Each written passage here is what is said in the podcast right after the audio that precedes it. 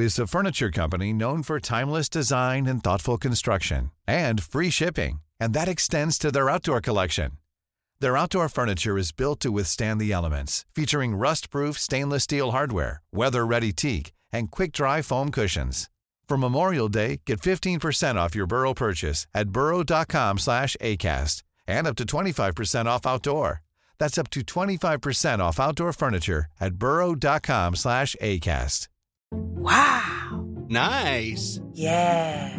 What you're hearing are the sounds of people everywhere putting on Bombas socks, underwear, and t-shirts made from absurdly soft materials that feel like plush clouds.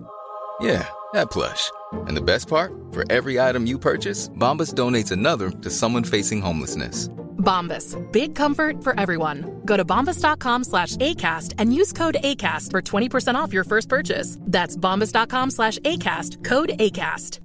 There's never been a faster or easier way to start your weight loss journey than with PlushCare. PlushCare accepts most insurance plans and gives you online access to board-certified physicians who can prescribe FDA-approved weight loss medications like Wigovi and Zepbound for those who qualify. Take charge of your health and speak with a board-certified physician about a weight loss plan that's right for you. Get started today at plushcare.com slash weight loss. That's plushcare.com slash weight loss. plushcare.com slash weight loss.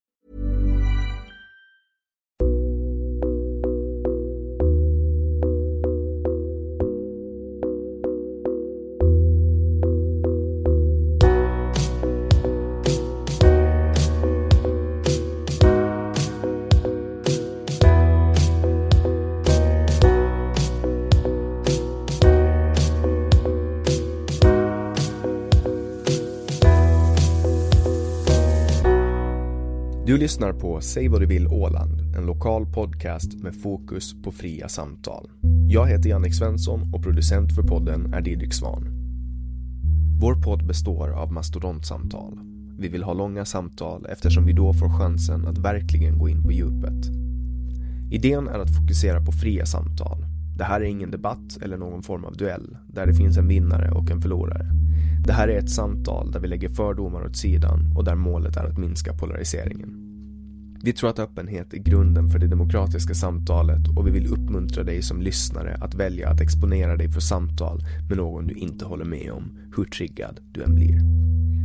Det kommer att diskuteras en hel del politik i den här podden och för att du som lyssnare ska slippa tänka på vad jag som programledare står politiskt kommer jag att med egna ord redovisa det för er.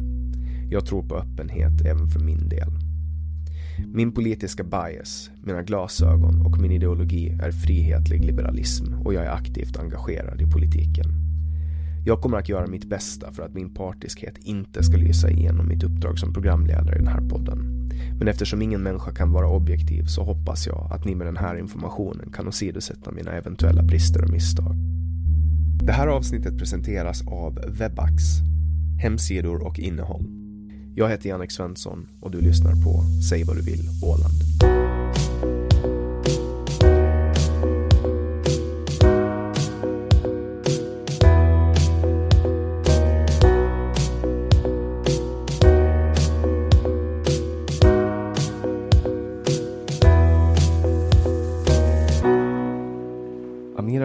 Kommer från Karis och har bott på Åland sedan 2009. Hon jobbar på Klubb Paff och är utbildad inom media. Hon är just nu sjukskriven och genomgår behandling för kvinnosjukdomen endometrios. Välkommen hit Amira. Tack Jannik. Och idag har vi också med oss en sidekick, ingen mindre än min egen fästmö Kajsa Borgström som kom med och gästade för några avsnitt sedan. Välkommen hit också. Ja, hej, tack. Eller kanske du ska säga välkommen till mig. Vad sa du? Eller kanske du ska säga välkommen till mig. Nej, det var du som bjöd in mig, så jag säger nog tack för inbjudan också. Ja, vilket jag snarare, eller typ övertala dig. Nej, det Kör. var nog jag som gjorde det. Ja, ja okay. det var du som lyckades Det var jag som sa att, nej, hon kommer med. Okay. Ja, jag, jag påbörjade min, min operation tidigare, men då skulle hon inte med. Men jag är glad att hon är med. The more det är jag också. Mm. Ja. Tack. Och nu får vi testa ut nya mikrofonen också som, som vi just har inköpt. Ja, jag ska försöka hålla mig riktigt, riktigt nära här. Ja. Men tillbaks till Amira då. Um, kan du beskriva dig själv? Vem är du? Oj. Hur, hur, hur beskriver man sig själv? Det är ju jättesvårt egentligen. Um, Okej, okay, men vi, vi, tar, vi tar en snabb kort presentation. Um, jag är en... Uh, det känns ju hemskt att säga, men det är ju sån jag är egentligen. Skulle inte vara på grund av endometriosen så skulle jag kanske vara sån hela tiden. Eh, jag är en glad och sprallig tjej eh, som oftast har haft väldigt många järn i elden, haft flera jobb på sidan om det, det som man alltid jobbar med vardagligen. Ehm, och eh, haft väldigt mycket energi, har väldigt mycket energi nu som då. Tar tillbaks det, för så är ju inte läge just nu. Ehm, jag är ju definitivt inte blyg. Det, det är jag inte. Uh, men jag har blivit det på den senare, senare tiden. Konstigt nog så, så vet jag inte om det är vad som har hänt med mig egentligen. Men jag har aldrig varit den blyga typen. Men nu mitt i allt så är jag sådär, ah, vem är du? Mm. Vågar jag prata med dig? Kan du ha blivit hospitaliserad? Eh, kanske. Det är, jag menar, jag har åkt in tio gånger eh, det här året på sjukhus. Eh, så om vi tar, tar och kortar ner det kort och koncist så är det ju en gång i månaden som jag har varit inlagd. Varje gång du får mens? Ja. Och som jag har förstått eh, endometrios så är det alltså eh, livmoderceller som, mm. som växer ut ur livmodern mm. och börjar blöda mm. på ställen där det inte ska blöda Exakt. när man får mens. Exakt. Bra påläst. Eh, det är ju inte många som, som vet absolut någonting om det. Det är folk som aldrig har hört, tala, hört talas om det, aldrig hört ordet endometrios. Ja, men vad är det? Eh, så att jättebra, en eloge till dig som, som ändå har, har researchat lite här och, och, lite läst på om vad det är. Och det är precis som du säger, det är, det är då alltså livmoderslemhinnan som, som, vad heter det, blöder bakåt i buken. Och så får man bukblödningar en gång i månaden. Mm.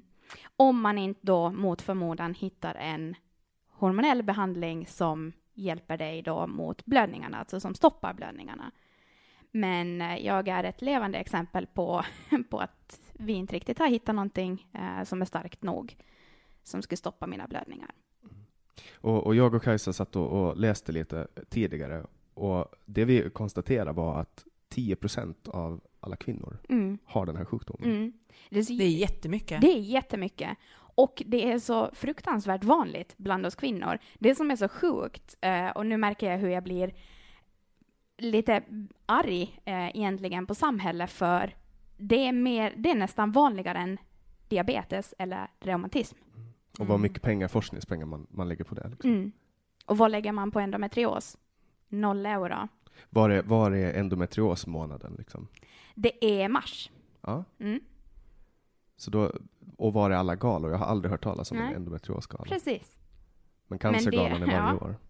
Cancergalan mm. är varje år och nyligen så kom ju diabetesgalan. Var är endometriosgalan? Mm. Och varför har det blivit så här? Ja, och sen också att man, att man helt enkelt inte vet varför mm. sjukdomen uppkommer. Det, det känns, det, det känns som att folk inte är så intresserade av att ta reda på vad det egentligen är. Mm. Nej, men det kan det bra hända.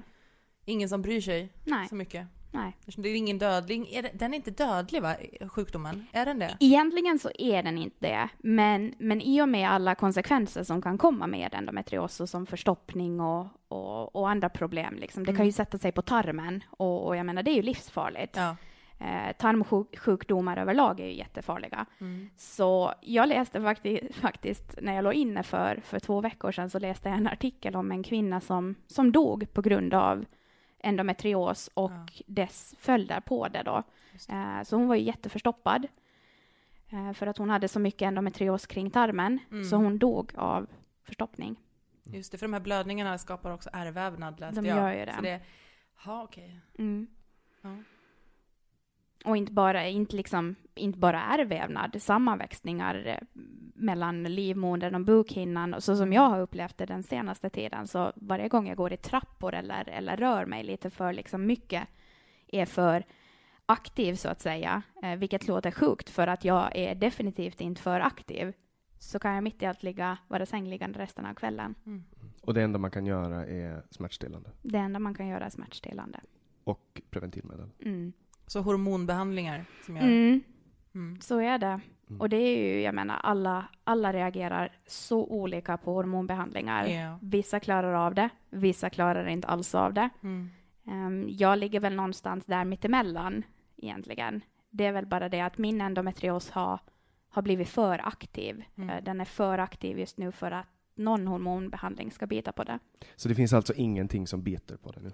Jo, just nu det som skulle bita eh, så är det jag har fått utskrivet på recept, men inte, jag har inte vågat, jag inte vågat åka och hämta ut den, för jag är livrädd för, för den processen igen.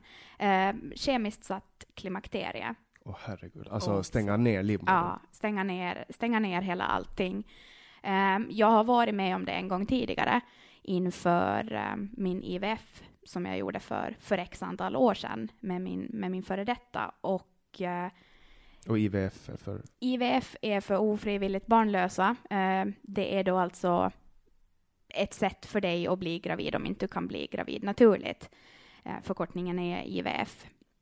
Och då, då tar man helt enkelt nässpray dagligen som, som stänger ner hela allting, systemet, då det, det kvinnliga så att säga. Och vad som händer så är ju det att, ja, kort och koncist, du hamnar i klimakteriet och det är ett helvete. Med det, värmevallningar? Och... Ja, värmevallningar, humörsvängningar, you name it alltså. Det är, det är riktigt hemskt. Jag vet att jag, sist jag var på den behandlingen så, så mådde jag rent ut sagt piss. Och jag, jag är livrädd för att gå till apoteket och hämta ut nässprayen. Kan man, kan man på något sätt starta livmodern igen efteråt? Jo, men det kan du. Uh, säg vid en IVF-process då, när du försöker skaffa barn. Uh, så då startar du igång det genom att ta sprutor uh, dagligen i magen för att trigga igång då liksom allting. Men slutar du bara sådär, eh, som en, en, vem, som helst, vem som helst kan göra, så, så då är det väl egentligen bara att sluta ta den och så kommer det igång när det kommer igång, beroende på hur din, hur din kropp liksom är, hur långsam eller hur snabb den är. Så att, och vad hoppas man att, de ska, att, att ska hända med den, alltså symptomen går förstås ner mm. från endometriosen mm. medan du är i klimakteriet, men sen när det kommer igång igen så, vad är händer det, då? Så, så då är endometriosen tillbaka. Mm. Det är ju, det är ju inte som att det... det låter som pest eller kolera. Ja, ja, men det är ju det. Och det är ju inget långvarigt, för du, du får ju inte... Du får ta den max sex månader, ja. får du hålla på med den här nässprayen. Sen måste du ta ett uppehåll. Mm. Och, och jag menar, då, då kan det lika bra komma tillbaka om det är så att de bestämmer sig för att sätta mig på p-piller igen. Mm. Ja, men vi har ju märkt hur det har gått hittills. Um, så att... Så hur är det när du vaknar upp den dagen du får mens? Oj. Ja, det... Var ska jag börja? Um, det är ett helvete. Det är rent ut sagt ett helvete. Det...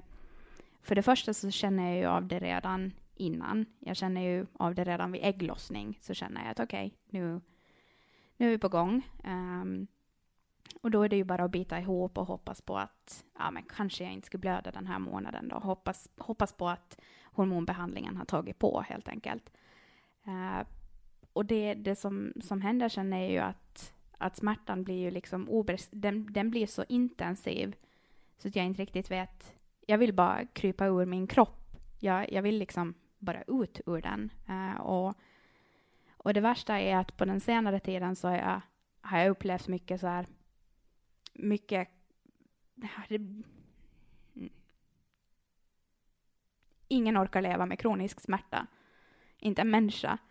Um, så den senare tiden så har jag väl upplevt kanske mer eller mindre att man inte riktigt orkar leva mera. Uh, för det har, fått gå, det har fått pågå så länge. Uh, men, men tillbaka till din fråga hur det är att vakna, vakna med, med mens den där morgonen. Uh, så är det ju, för mig så är det så här, jaha, okej. Okay. Ja, vi ser hur länge det går innan, innan jag känner att jag måste åka in. Och då åker du in på smärtbehandling? Mm, det gör jag. Och då pumpar de dig full med morfin? Mm. En gång i månaden? Ja. Det gör de.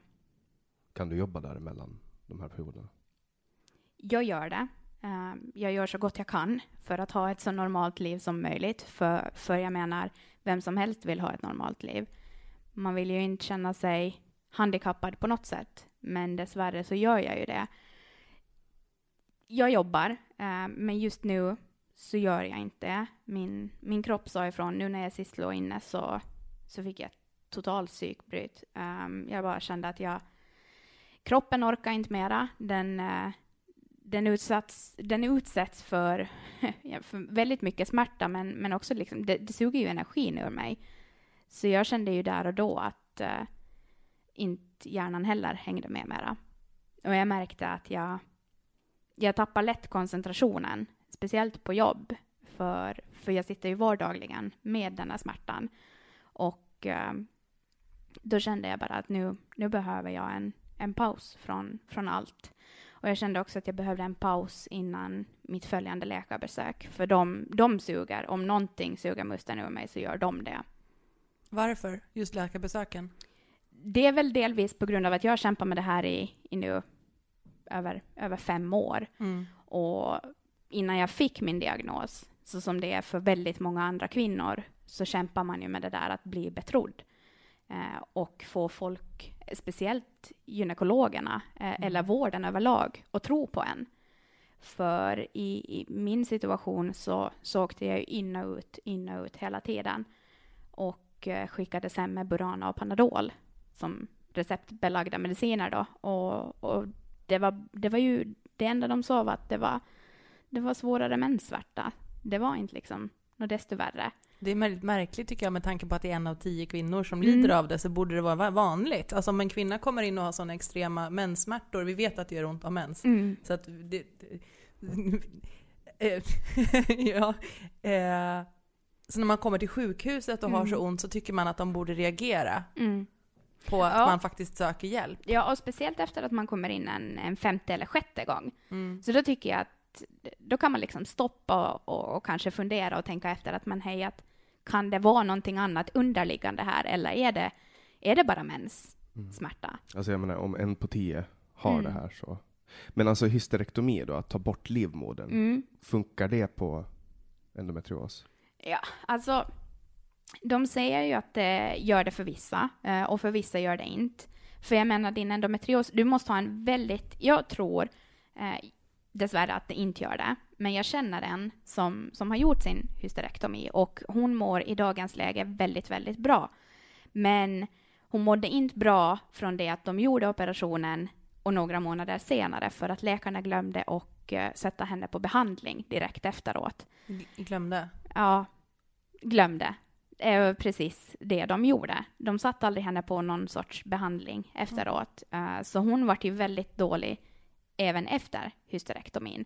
Men, så jag tror det du behöver är en specialist. Någon som förstår sig kring ämnet endometrios och som gör ingreppet och som förstår vad du behöver för eftervård. Och hur ser det ut här på Åland med sådana specialister? Finns det tillgång till dem via Uppsala eller Åbo? Via Åbo eh, så finns det, absolut. Och eh, det är dit jag är på väg nu. Jag kämpar länge. Eh, jag trodde att eh, de skulle skicka mig redan för, ja, säg, säg ett år sedan. Men ingenting hände och, och jag kände, jag kände liksom att, ja men, är inte här ett ganska solklart case där ni redan nu kan skicka mig vidare? Eh, varför liksom, varför dra ut på mitt lidande och varför dra ut på ert lidande kände jag. För jag känner ju inte mig, jag känner ju mig som en börda för, för vården här. Ehm, och det är ju, de behöver bara höra mitt namn så, så vet de vem jag är. Så jag kände bara så att det, det är den, den absolut lättaste utvägen för oss allihopa. Skicka mig till Åbo, där finns det specialister. Ehm, och så ses vi när vi ses.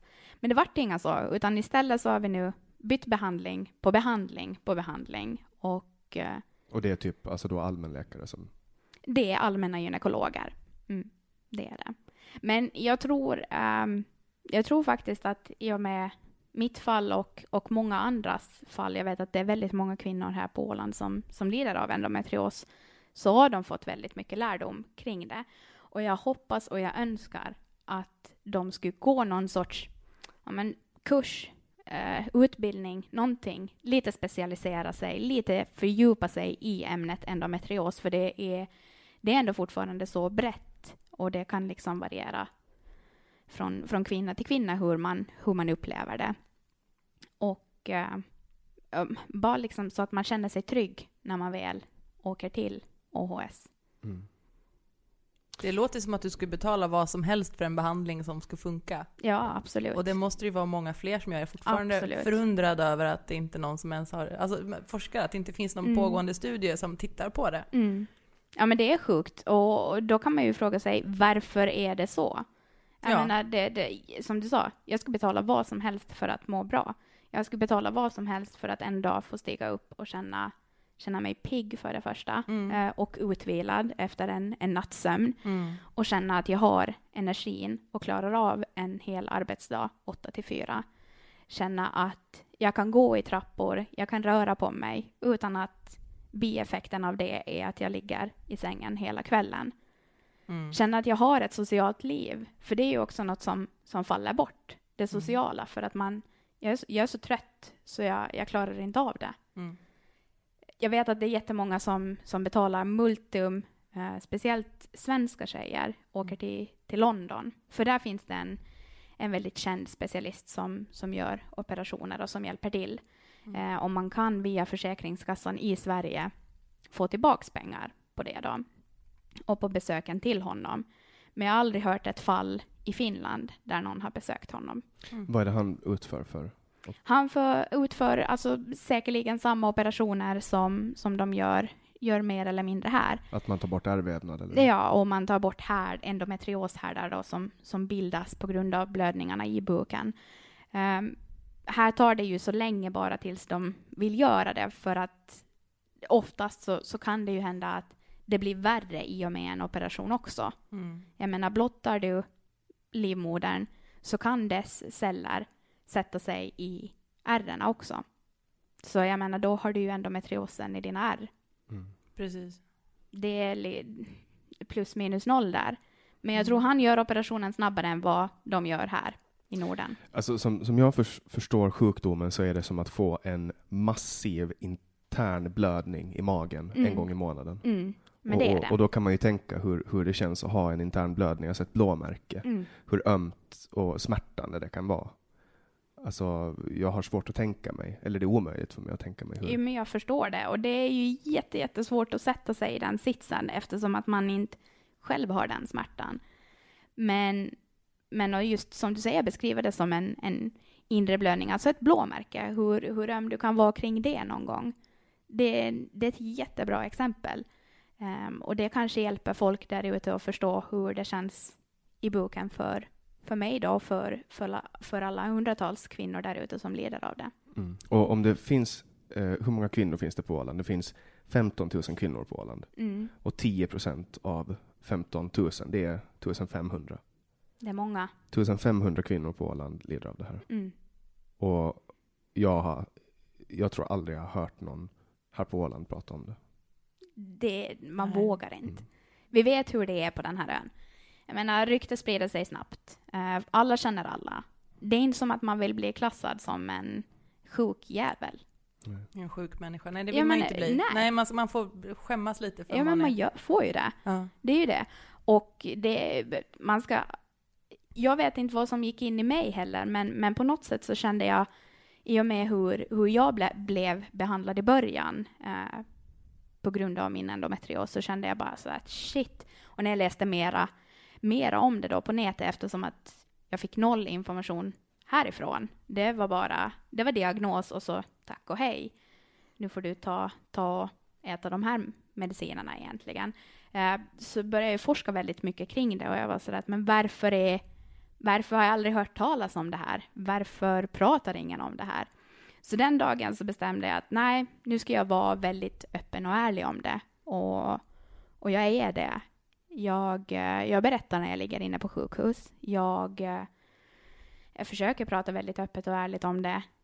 Um, inom eh, just alla, kring alla sociala medier, uh, alla de kanalerna, för att försöka nå ut till uh, säg någon som följer mig och som, som kanske själv också lider av det, men inte vågar prata om det, eller inte har någon att prata om det Eller inte med, vet om det. eller inte vet om det, och känner att herregud, det, när jag läser din text så är det som att se mig själv i spegeln. Ja, men kanske det- jag kan hjälpa någon. Hur är reaktionerna då? Mm. ja, alltså, de är ju väldigt varierande. Ehm, vissa kanske tror att jag eh, gör det för att få empati, Ehm, vilket jag har fått höra. Ehm, men sen finns det ju de, de nära och kära som de som står mig närmast helt enkelt, som, som har sett hur jag mår och som vet, vet om när jag åker in um, hur det egentligen är. Så de finns ju där. De är ju inte de här som tror att jag gör det på grund av att få empati. Men det där är också någonting som jag har hört förut, att man um, blir misstrodd av, av vården uh, på något sätt, som att mm. man inte har de problemen som man har. Mm. Um, min syster, hon fick en uh, man får ju sina blåsor på äggstockarna och det är ganska mm. vanligt men de brukar försvinna. Mm. Och hon hade en sån som utvecklade sig till en tumör, godartad, men hon blev um, inte diagnostiserad med den um, på väldigt lång tid. Hon var hos fyra olika läkare. Och de sa olika saker och ingen visste vad det var. Och hennes chef hade frågade henne om hon hade tänkt att hon skulle gå till en psykiatriker kanske istället, för att det kanske satt i huvudet menar hon. Mm. Så man blir så misstrodd. Och då vägde min syrra vadå, 50 kilo och hade en 4 kilos tumör i magen. Som hon sen blev akut opererad för och de fick liksom ta bort den. Och de gjorde det lite klantigt också, de petade lite på tarmarna så de växte ihop så de fick skära upp henne igen efter det och, och liksom ta isär tarmarna igen. Um, men det här händer ju inte, jag har inte hört talas om att, om att det har hänt en man. Jag har aldrig hört en man som har kommit och berättat till mig att jag har blivit felbehandlad um, i flera år. Jag har, inte blivit, jag har inte fått rätt diagnos, jag har inte fått den vård jag behöver. Um, men på kvinnosidan så har jag fått väldigt många sådana här historier. Att man blir misstrodd och att man får skämmas när man mm. kommer och söker hjälp. Mm. Och det är ju det man gör.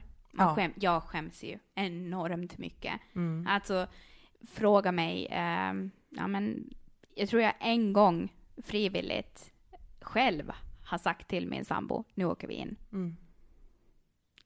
Det har aldrig hänt förut. Det är han som gör det? Det är han som, jag skulle vilja säga att han drar mig i, i håret och säger att nu åker vi. Det är mer det här, Amira, nu åker vi! Mm. För, för är det ju liksom hur, hur jobbigt jag har det. Han är ju den som lever med mig vardagligen. Och det är ju just på grund av det där som, som Kajsa förklarar och berättar som inte jag vågar åka in. Mm. Jag, tror att jag, och jag tror att det är vanligt. Ja. Och även, det är fortfarande efter att jag har fått min diagnos, det står i min, min journal, endometrios, så finns det fortfarande den där, det där hjärnspöket sitter kvar efter allt man har gått igenom. Men om man har fått höra att det mm. inte är något fel på en och att man mm. antagligen är lite knäpp, mm. Då, blir man ju, då börjar man säkert misstro sig själv. Ja, ja alltså jag, absolut. jag stod och sa till min syster när jag såg hur hon såg ut, hon var så mager och hade en enorm gravid, gravidmage, mm. att, uh, att men herregud liksom, Maria, vad, hur ser du ut? Du mm. måste gå till doktorn. Det där är inte normalt. Man, man såg på långt håll att hon var allvarligt sjuk liksom. Och, och hon, hon, svaret hon gav mig var så här, hon, var, hon hade liksom nästan gett upp att hon var att men jag har gått till doktorn. Jag har mm. varit hos många olika doktorer och mm. det är inget fel på mig. och sex månader senare så fick hon sin akutoperation. Mm. Det var mm. liksom, så det, det, tog några år. Ja, det är sjukt. Det, det, är helt otroligt, för det kan ta upp till åtta år innan ja. du får din endometriosdiagnos också. Jesus. Förra året så hade Endometriosföreningen i Sverige en kampanj som hette åtta år är inte OK. Och det mm. är definitivt inte Nej. OK någonstans. Hur gammal var du när du började få de här smärtorna? Jag har haft det sen, sen ungdomen, sen mina, mina första blödningar. Och jag minns ännu i dagens läge hur mamma försökte göra allt vad hon kunde för att hjälpa mig. Vi besökte privatläkaren på fastlandet också när jag var hemma. Det fanns eh, gånger som jag åkte hem från skolan lite tidigare för jag klarade helt enkelt inte av det på grund av smärtan. Och eh, äh, vad var det där? Det var ju svårare, men smärta, smärta helt enkelt. Hur, hur länge tog det innan du fick din diagnos? Om jag fick min första mens kring 13 års åldern. Nu ska vi se, jag är extremt dålig på matte, så om min före detta mattelärare lyssnar på det här så ber jag så hemskt mycket om ursäkt. Men um, nu måste vi räkna bakåt då. Jag är 26 idag. Um, Nej, alltså nu får ni hjälpa mig seriöst. Nej, nej, jag, jag kan inte matte. 13, men 26 och du, fick, och du fick diagnosen... För sex år sedan. För sex år sedan. Då var du 20. Ja. Då hade du gått i sju år. Ja, tack Kajsa. Du räddar mig. sju år, så det var... Det är inte alltså, jag som det är den väldigt... blonda här i det här rummet. nej. Men det var ju ganska nära, det var ju ett ja, år ifrån. det är väldigt nära. Ja, men det är ju det.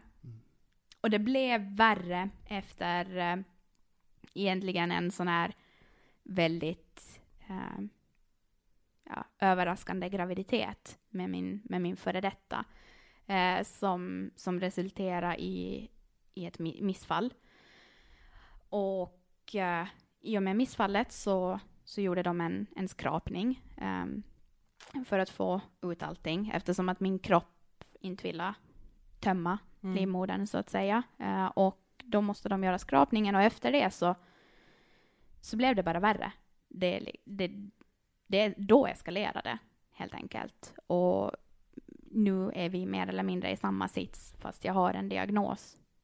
Um, så att smärtan liksom är i princip väldigt, väldigt lik den, den mm. smärtan. Och desto, mer, desto längre endometriosen pågår, desto mer ärrvävnad finns det och det blir bara värre och värre. Det blir bara värre och värre. Ja, jag, jag vet inte vad jag ska säga. Det är helt... Alltså, det är så konstigt. Ja. Det, är, det, det, det, är ju verkligen märkligt. Mm. Det, det, är så märkligt. Så är det. Och jag tycker, jag tycker överlag så tycker jag människokroppen är väldigt fascinerande. Jag menar, den är väldigt märklig. Men jag tycker det här är extremt märkligt. Och jag tycker ju att det är extremt märkligt för att jag själv lider av det.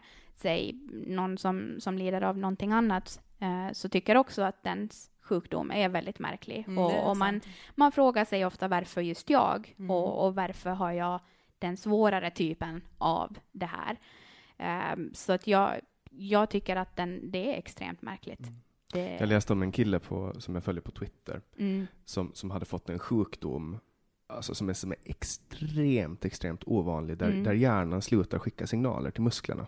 Mm. Så att helt plötsligt Oj. så kunde han inte svälja och andas. Oh, eh, och liksom från, från halsen upp, eller från axlarna uppåt, så båda armar slutar fungera, resten av kroppen funkar, och så bara liksom blev han helt hängande med allting. Och det, alltså, och det är så här extremt osannolikt. Det är liksom större sannolikhet att man ska vinna på, på Eurolotto än att man ska få de här sjukdomarna.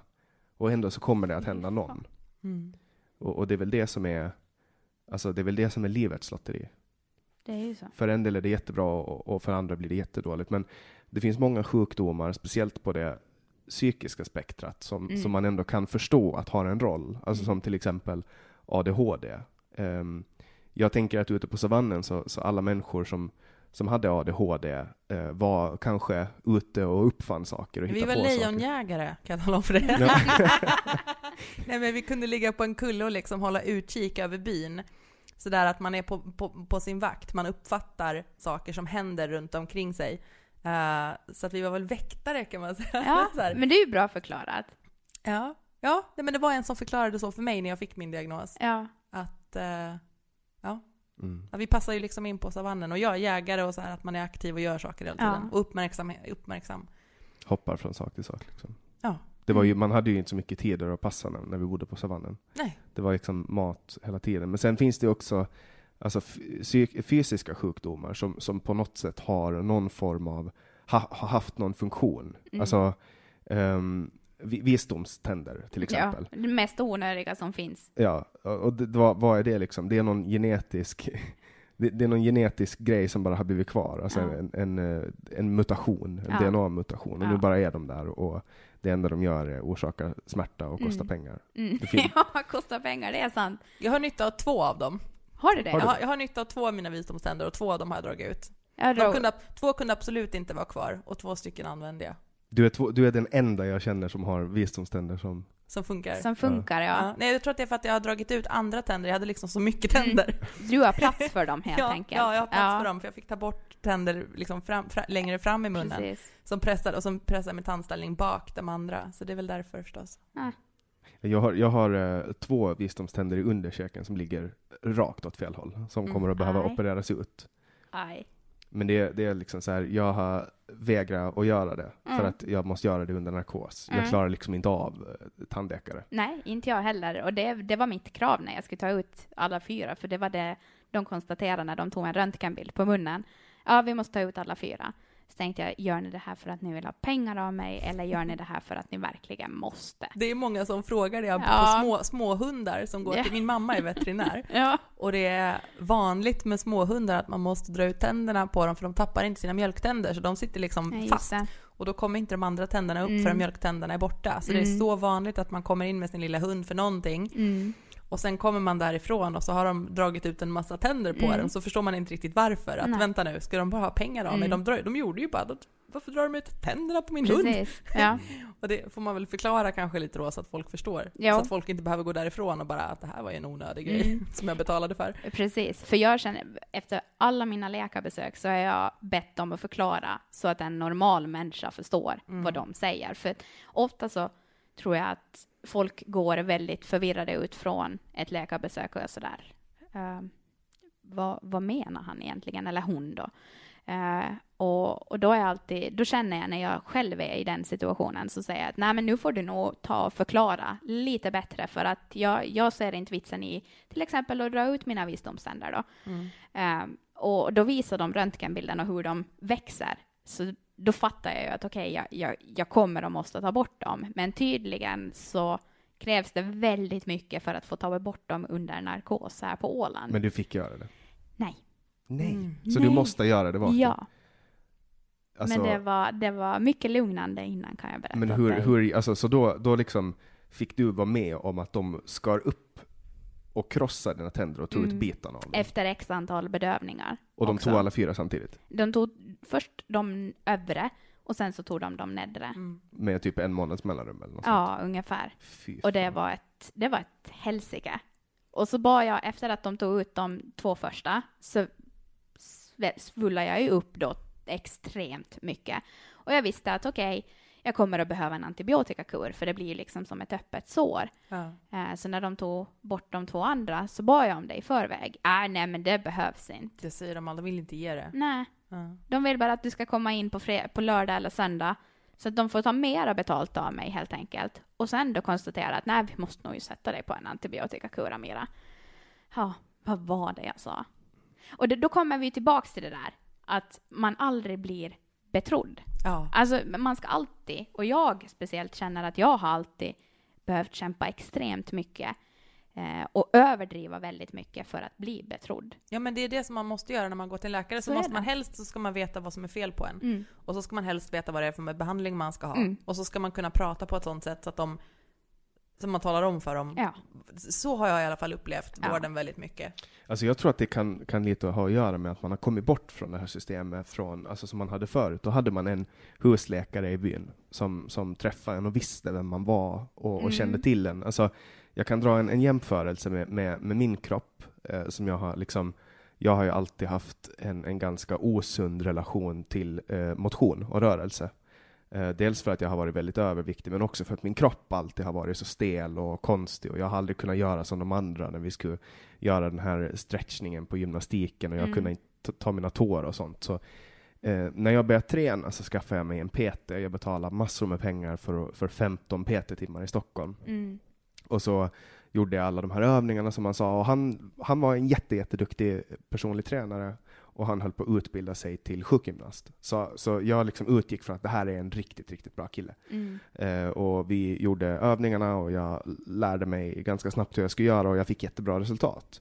Men sen började jag gå på eh, extrema ryggsmärtor och, och saker började hända med mina axlar och då rekommenderade han mig att uppsöka en sjukgymnast. Så gick jag till den här sjukgymnasten och eh, då fick jag liksom, och henne träffade jag kanske jag tror 11 eller 12 gånger. Mm. Och varje gång fick jag nya övningar och hon gjorde massa undersökningar och hon sa till mig att du kommer, all, alltså, du kommer inte att kunna göra knäböj eh, eller marklyft, Va? som är liksom två av tre basövningar. För hon sa att din, dina hamstrings är för korta och, och du har eh, liksom, det, det, här det funkar inte. Att du, du kommer inte att kunna göra dem. Att nu behöver du göra de här övningarna istället. Och så gav hon mig så här supertråkiga, ni vet, sjukgymnastövningar. Ja. Och De känner vi till. ja, vem gör dem? Exakt, vem gör dem? Jag lyckades kanske tio dagar i rad och sen bara Mm. släppte jag det. Mm. Eh, Men nu har jag börjat träna med Johan Lindström som också har varit med här i podden. Mm. Eh, Och han är ju inte knuten av, vad ska man säga, någon form av eh, sjukgymnastkodex eller PT-kodex. Så han får ju säga vad han vill. Han är ju bara privat på det sättet. Eh, Och varje gång vi gör en övning så tittar han på vad är det som tar emot och så korrigerar han det. Det är inte så att han ger mig en övning och så ehm, ska jag göra den övningen, utan han tittar på varenda liten rörelse i hela kroppen och så korrigerar han och fixar det. Och, och, och, och, som han säger att allting, alla människor är helt unika. Det finns ingen människa som, som alltså man kan, det går inte att ta en övning och ge den till någon. Så, eller säkert finns det någon som går, men, men alla människor är helt unika och då Så måste man det gå in. Och den tiden får man inte med en läkare på ett Nej. läkarbesök. Nej, absolut Nej, inte. Man har ju, man har ju vad är det, typ 10-15 minuter, Mm. de här läkarbesöken, om man tar dem privat. Mm. Och det är väl typ samma på sjukhuset. Mm. Och så tittar de på en lite som att man är lite småtokig. Ja men precis, när man det- jag, känner igen den, jag känner igen den blicken, Ja. absolut. Mm. Och så tänker de stackars människa, hur ska vi hjälpa den här lilla... Mm. Alltså, man, man känner sig också igen en, den. Man känner sig som en liten sjukling när man sitter Mm. där, faktiskt, som är lite Och obegåvad. den där bördan. Alltså man känner sig som en börda för dem helt Ja, enkelt. Man, exakt. man kommer in och så så. är man, är man helt enkelt jobbig och jag har många gånger funderat, vad tänker de om mig nu när jag går ut härifrån? Exakt, ja. Och det är, jag tror det är det som har gjort mig nästan som man skulle traumatiserad från att besöka läkaren. Det känns ju som att det skulle kunna inverka på att du känner dig blygare nu, Mm. än vad du var ja tidigare. men det har du rätt För i. man börjar tvivla på sig själv. Ja, det gör man. Och man gör, jag gör inget annat än tvivla på mig själv. För jag sitter dagligen också och funderar, har jag ont eller inbillar jag mig att jag har ont? Mm.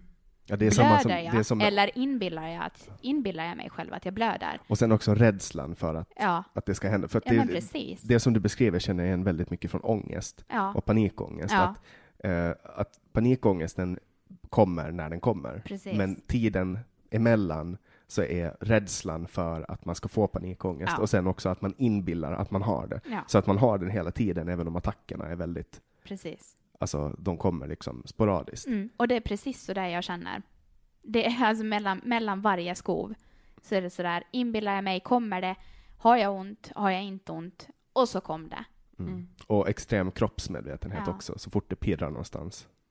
Så Som är när jag typ Mm. börjar googla, så här, det pirrar lite bakom örat och så börjar jag skri- beskriver jag symptomen, glider in på något cancerforum. Och det är ju det farligaste i mannaminne. Alltså det är ju det farligaste som finns. Smarttelefonerna som gör att vi googlar våra symptom som slutar med att Vi är så vi sjuka. är så sjuka. Ja men det är ju på riktigt det. Och det sätter ju också hjärnspöken igen. Mm. Som, som när jag nämnde då mina symptom eh, precis i början av, av hela processen här på Åland, så nämnde jag det för en, en eh, arbetskollega, för detta arbetskollega. Och så frågade hon mig så här försiktigt, och väldigt försiktigt, frågade hon, har du någonsin hört talas om endometrios? Och jag tittade på henne med stora ögon och jag fattade ju inte vad hon sa. Det lät ju som att hon pratade ett främmande språk med mig där och då. För då hade jag just också åkt in. Eh, jag hade faktiskt åkt in från, från jobbet då, så, så var det hon som skjutsade in mig till akuten. Um, och jag sa att nej men det är lugnt att jag, jag har varit här så många gånger på grund av samma sak, så att jag, jag klarar det här själv. Kommer hem, åker på jobb följande dag. Hon var sådär, hur gick det?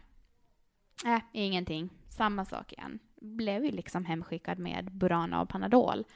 Och eh, då började hon fråga mer och mer kring hur jag upplevde saker och ting och vad det var som var problemet, om det kom en gång i månaden eller om jag kände av det tidigare också. Och, och då, då nämnde hon för mig då första gången ordet endometrios.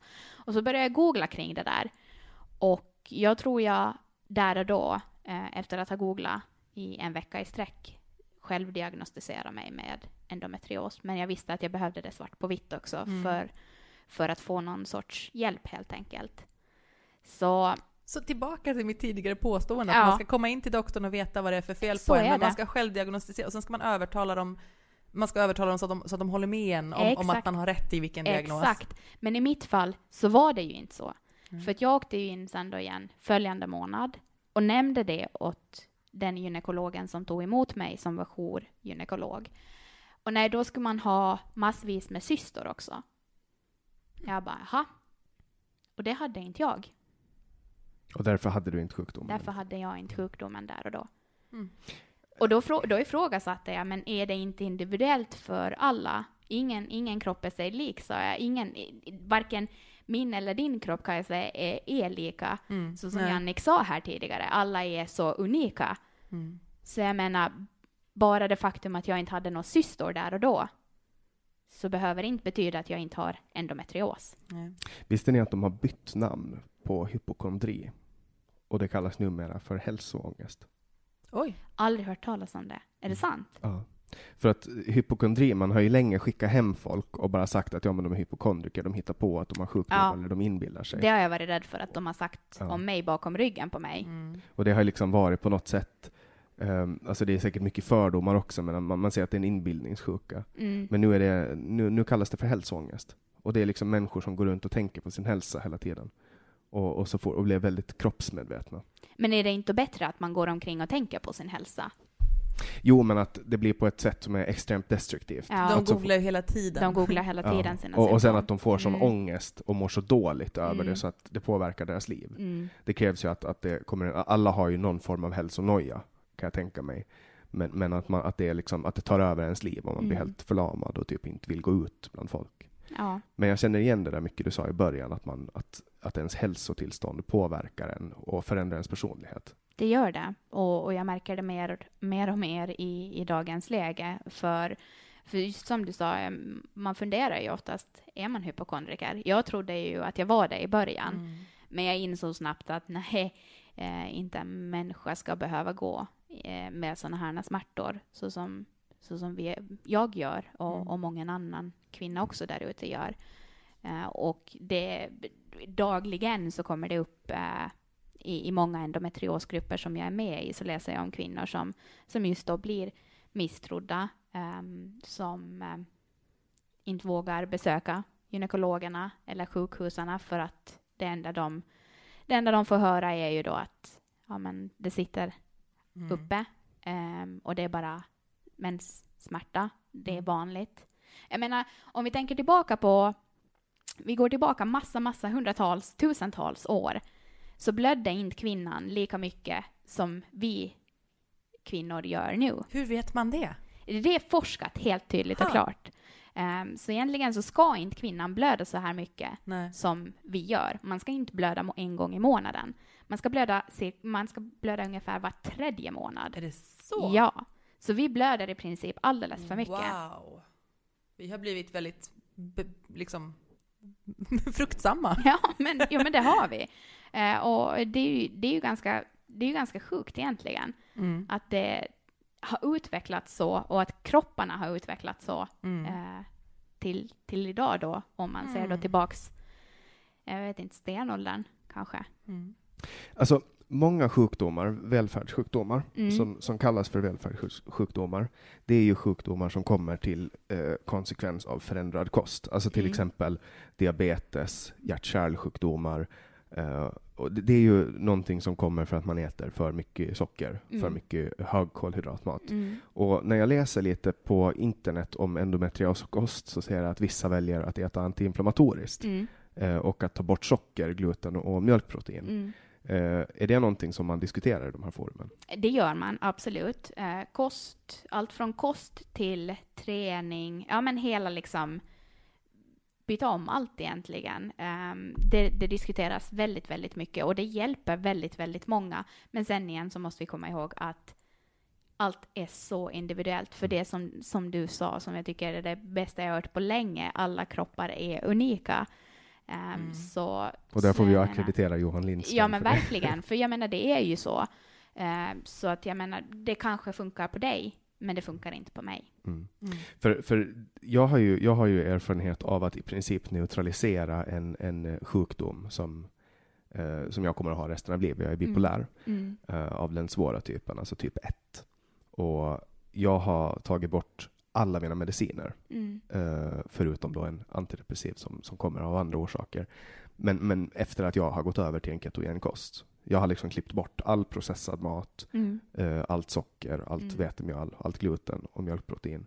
Eh, och i, i över ja, nästan tre år så lyckades jag vara obehandlad för, för min sjukdom. Och nu har jag börjat, nu börjar jag i somras börja äta socker igen, jag tog ett återfall. Eh, och då har liksom de här symptomen börjat komma tillbaks. Mm. Alltså lätta manier och jag märker att nu, nu fan är det dags Ja. att gå tillbaks. Eh, och ehm, på något sätt så handlar ju den här kosten, alltså den antiinflammatoriska, om att återspegla den kost som vi har haft under den största delen av, av tiden. Mm.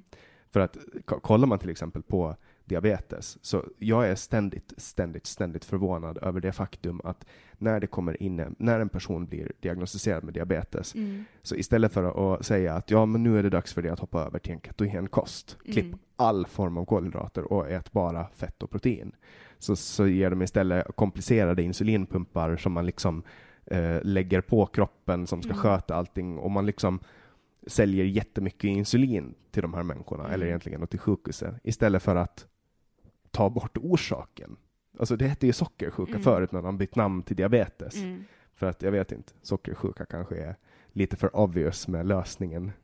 Men sen, sen när jag snackar, jag, jag pratar med människor eh, som eh, har diabetes, Ja. som inte vet om att, att ketogenkost kan hjälpa väldigt, äh, hjälper väldigt, väldigt många. Mm.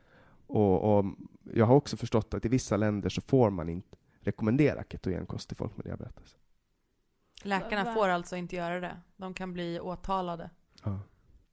Helt otroligt. Ja. Ja. Och, och det är liksom så här, och det, och det bygger ju på den här myten om att fett eh, leder till hjärtattacker. Ja. Ja, men... Mm. Och, och det finns väldigt mycket, jag tror ju att, att jätte, jättemycket går hand i hand med, med kosthållningen. För att det finns ju vissa former av cancer och vissa sjukdomar som bara fortsätter växa Mm. allt eftersom och Mm. konsumtion av, av socker och, och vetemjöl eh, fortsätter öka. Och processad mat, Mm. för att inte glömma processad mat. Liksom. Det är väl typ kanske det värsta som finns. Ja, men det, det har du alldeles rätt i. Jag tror, jag märker ju själv att eh, har jag ätit för mycket socker så ökar ju min, ökar min smärta väldigt mycket. Den blir eh, intensivare. Men sen det är också, vi har, eh, vi har alla möjliga böcker hemma. Eh, tack gode gud för att jag lever tillsammans med en kock som, som kan laga mat åt mig för att jag, eh, jag faktiskt vissa dagar inte liksom orkar eller Mm. kan eh, överhuvudtaget ta mig själv till, till butiken. Ehm, så att det A och O tror jag är kosten och att man tänker på vad man äter. Eh, och så tror jag också att träningen kan få dig att må bättre. Men jag har sagt det varenda en gång när jag träffar en ny gynekolog. Och då kommer vi tillbaka till det du sa om att förr i tiden så hade du en, en läkare som kom och besökte dig. En liksom, du, hade, du hade alltid ett och samma ansikte som du träffade. I mitt, eh, mitt läge här så träffar jag alltid annan läkare. Vilket är är liksom fruktansvärt jobbigt. Och de nämner gång på gång, ja men träning då. Ja men tjena, hur, hur, alltså varifrån ska jag ta den Ja, energin? jag har fem Var- kilo interna blödningar, ska jag springa och träna? jag menar liksom? seriöst, varifrån ska jag få ihop den energin till att orka träna? Eh, jag var väldigt, väldigt aktiv. Om vi tar ett år, ett och ett halvt år tillbaka, så var jag aktiv. Jag tränade. Visst, jag mådde bättre. Men vad resulterade det i? Att jag kom hem och grät av smärta resten av kvällen för att jag hade så fruktansvärt ont i min buk Mm. är det, är det liksom värt det sen i längden? Att jag, ja, jag hade där och då när jag tränade så mådde jag bra, jag hade energin. Men resultatet av det var att jag låg i fosterställning hemma i soffan för att jag hade så ont. Så jag fick ju börja trampa ner min träning och det slutade med att jag i dagens läge överhuvudtaget inte kan träna. Och jag tänker inte göra det förrän jag har fått en operation där de kan lite lätta på trycket liksom så att säga. Eh, så att jag kan börja röra mig igen. Och kan återuppta träningen. Och när jag väl kan det så då, mår jag, då tror jag att jag kommer att må så pass bra så att jag kan börja lägga krut på kosten också. Mm. Mm. Och om vi ska fokusera lite på, på dig. Du och jag träffades ju för tio år sedan kanske? Det är tio år sedan. Tio år sedan Mm. när vi båda satt i studeranderådet Mm. för eh, Ålands yrkesskola. Mm, Eh, du gick och kommunikation och jag läste samhälleliga och sociala linjen. mm. Du fortsatte jobba med media och kommunikation. Nej, jag gjorde inte. Du gjorde Eh, inte? nej, jag gjorde aldrig det. Och vilket är, är väldigt sjukt egentligen, för det var ju det jag ville göra.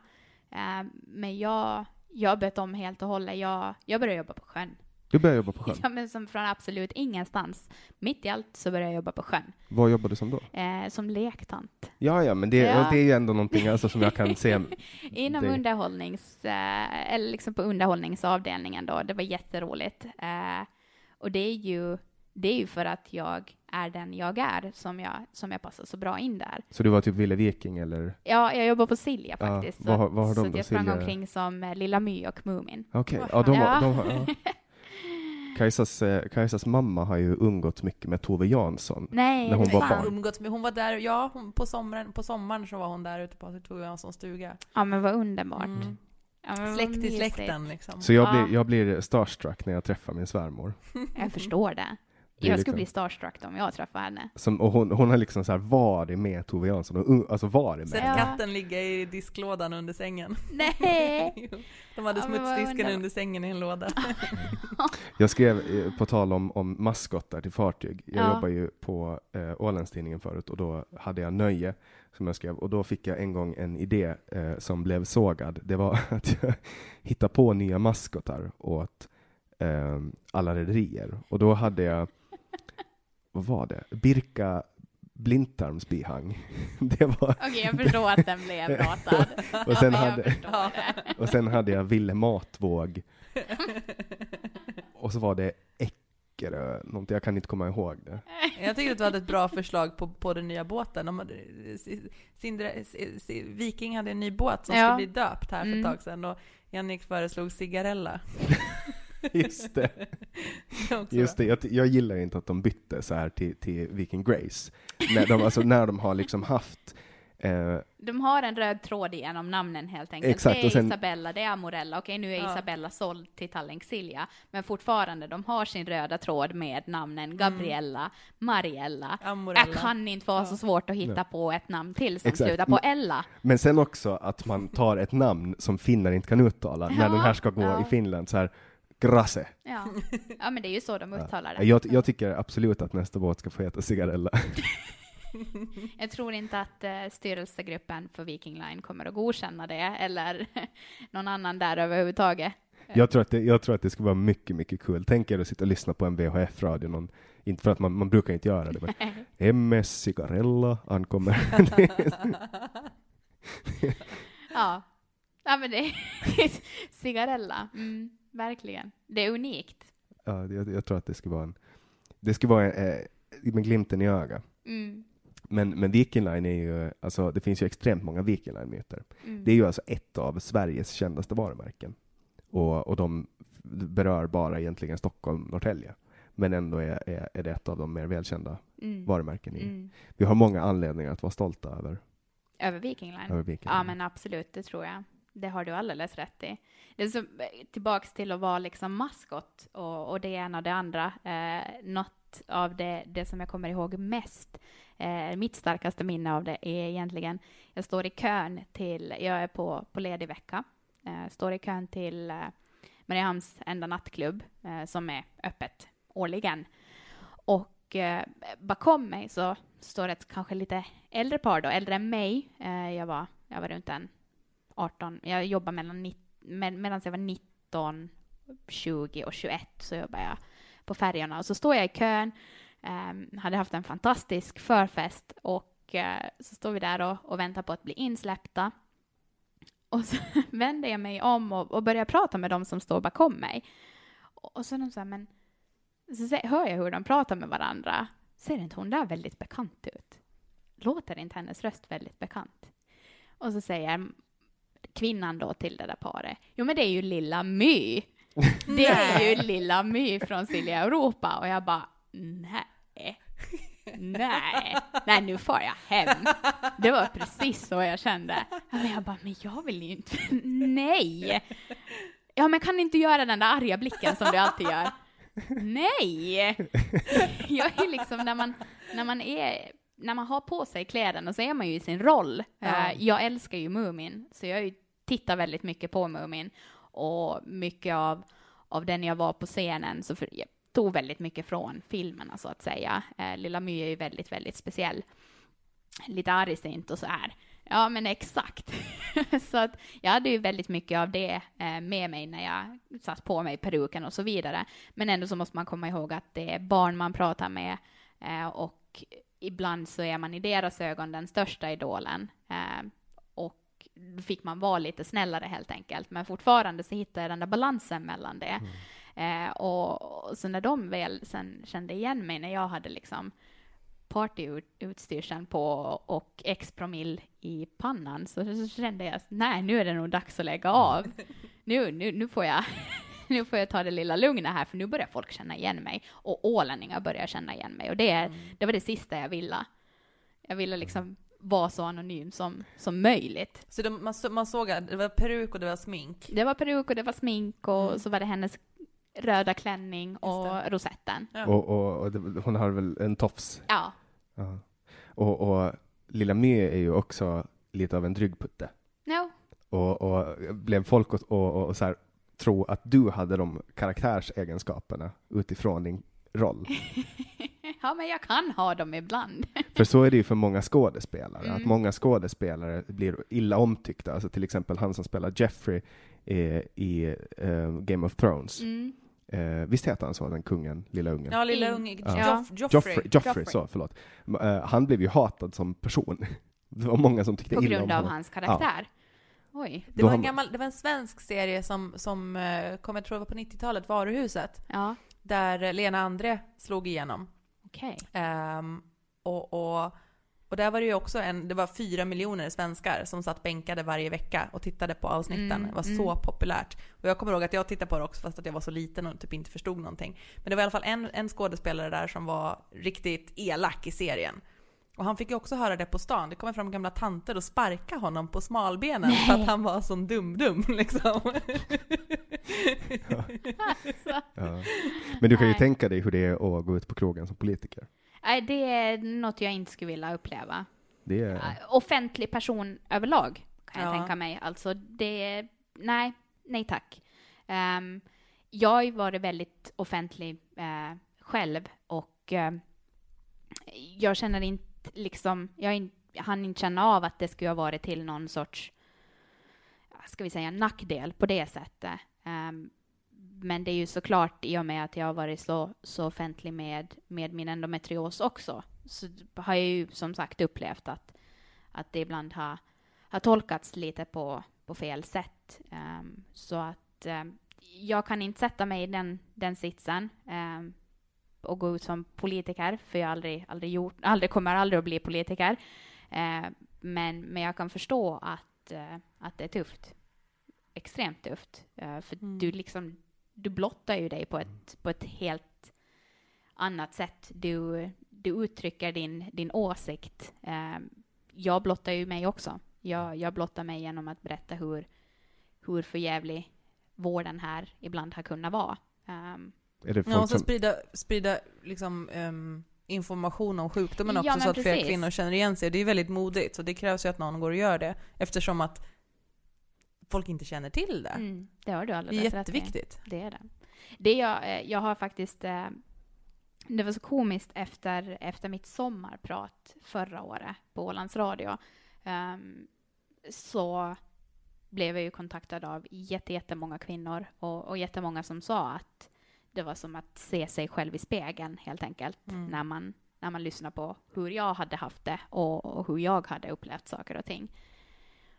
Och då blir jag så här, men varför gör ingen någonting åt saken? Mm. Är, det, är det mitt jobb att göra något åt det? Och, och jag tror det gav mig energin och kicken till att ja, men, försöka få någon rätsida på det här helt enkelt och försöka få och försöka hjälpa andra kvinnor i samma sitt som jag är i.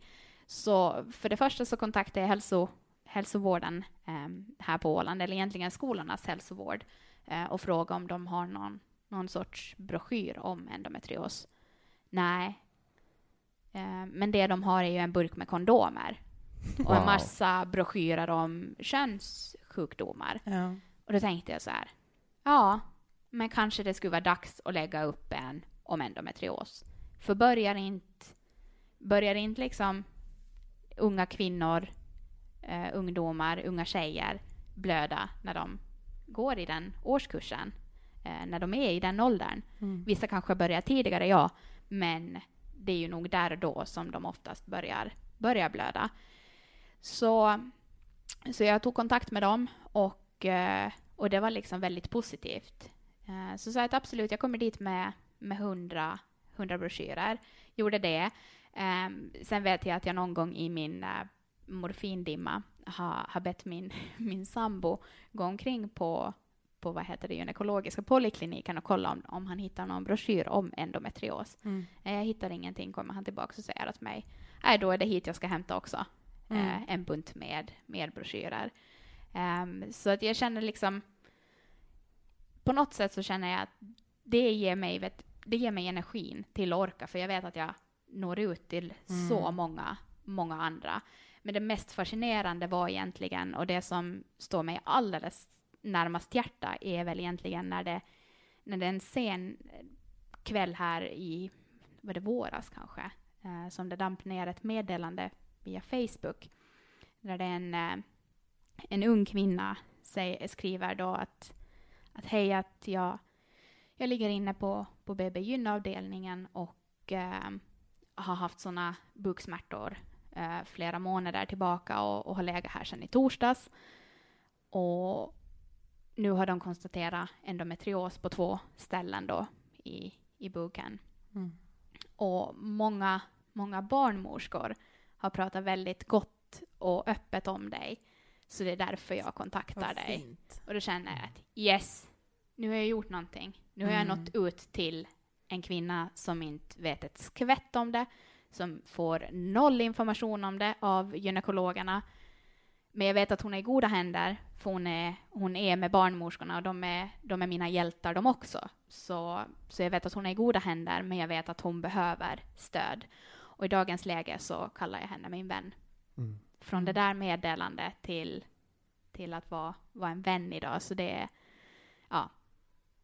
vi, det, det, känns så fantastiskt att kunna, kunna ett, eh, skriva av sig till varandra, ha någon mm. annan som förstår mm. eh, vad det är man genomlider och vet hur, hur förjävligt det kan vara att åka in. Eh, och sen två också det, det enorma stödet hon ger mig. Hon, på något sätt, hennes meddelande eh, pushar mig till att, att försöka göra mera för, för de unga kvinnorna här på Åland. Uh, och inte bara de unga, men, men de andra som, som också lider av det. Är du intresserad av politik? Nej. Men du följer med politiken? Med ena öga. Mm, det gör jag. Absolut. Jo, varför så vet jag väl inte. Nyfiken som man är. Jag har väl blivit väldigt jag skulle nästan kunna kalla mig själv ålänning. Så det är klart man är nyfiken. Nej, för jag, jag, och följer med liksom. För jag ser, när, när jag händer. ser dig, då ser jag liksom så här föredragningslistor och sånt. För att du var, du var ordförande mm. i studeranderådet på Ålands mm. yrkesskola. Mm. Ja, men det var jag. Eh, och det var ju jätteintressant. Eh, och jag har ju inte svårt för att uttrycka mig muntligt på det sättet. Um, men det är ju klart man, man blir väldigt nojig för man blir ju snabbt as associerad med hur man uttrycker sig. Man, eller man blir väldigt snabbt dömd uh, för vad man säger och vad man står för. Och jag vet inte om jag skulle klara av att vara en sån offentlig person här på Åland. Mm. Men uh, just där och då i, under studietiden um, så kände jag att det var väldigt viktigt att uh, lyssna på eleverna. För just då hände det väldigt mycket också med, med Ålands yrkesskola och det var mycket på gång. Allt det ju bli, kaos. Det, det var, var kaos. Ja, men precis. Allt skulle bli ett. Och jag kände så här att, men gud, vart är det här på väg? Um, så att få vara en, en röst för eleverna där och då så var, var viktigt för mig. Mm.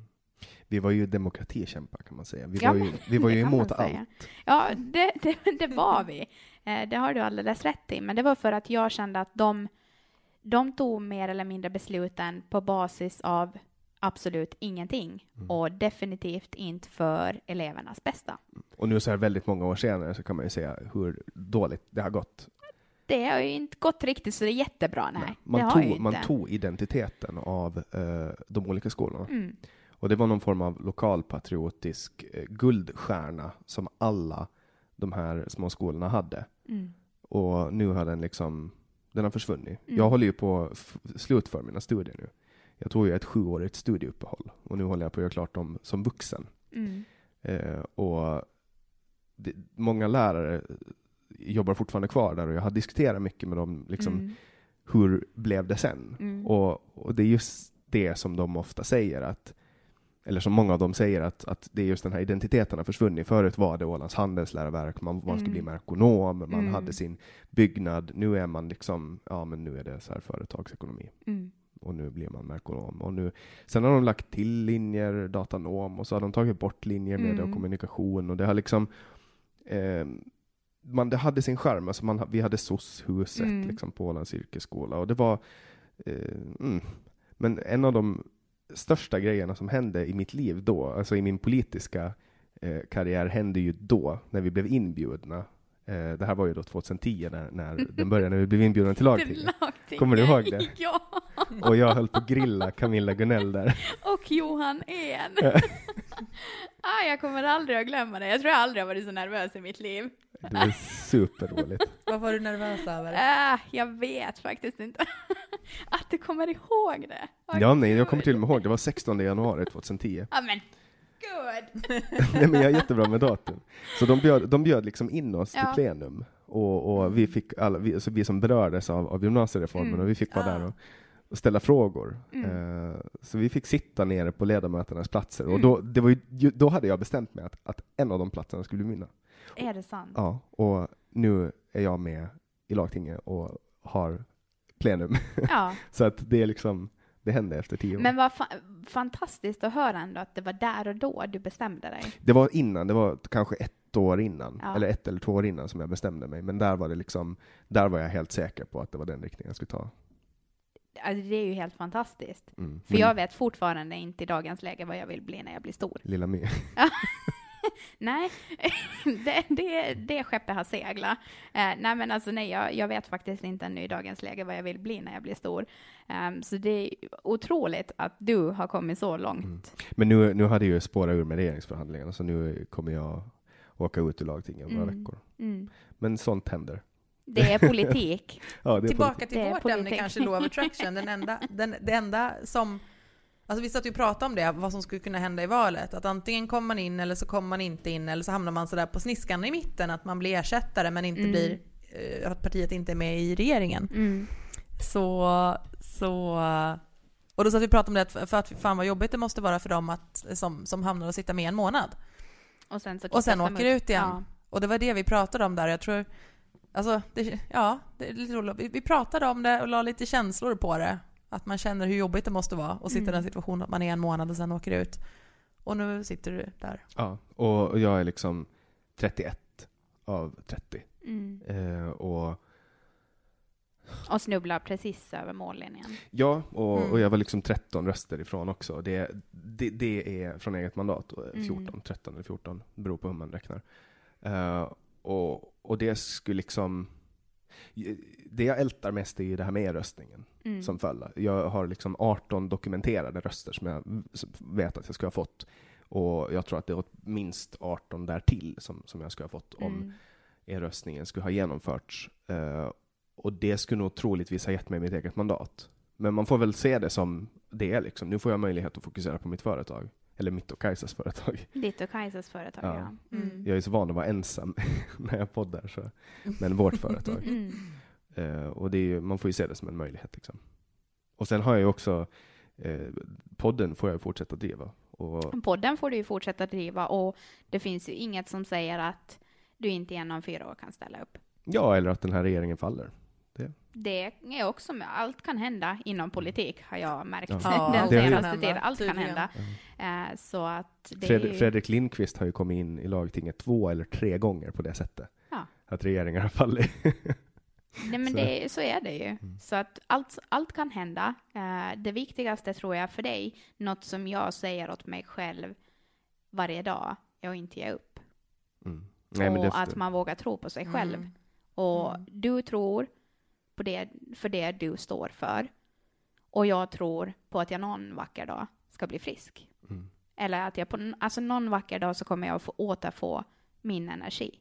Alltså jag menar, sannolikheten för det måste ju vara stor med tanke på att vi kan skicka upp raketer till rymden och så kan vi återanvända dem. Exakt. Eh, och få dem att landa på en, liksom en plattform Mm. mitt ute i havet. Alltså, Vi, vi kan, alltså på 60-talet skickar vi folk till månen. Mm. Det måste ju vara möjligt att, att alltså om man lägger rätt resurser och rätt fokus på den här sjukdomen så måste man ju kunna hitta en lösning. Absolut, det tror jag också.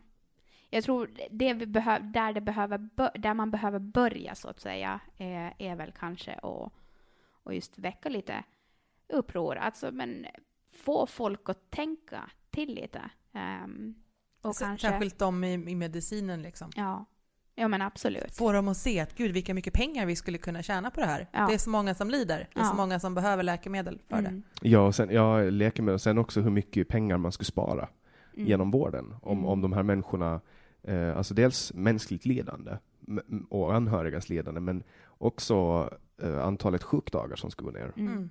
Människor som Enormt mycket. sjukskriver sig. Men, men hur många tror du det är som har den här sjukdomen utan att veta om det? Då? Jag tror det finns väldigt många.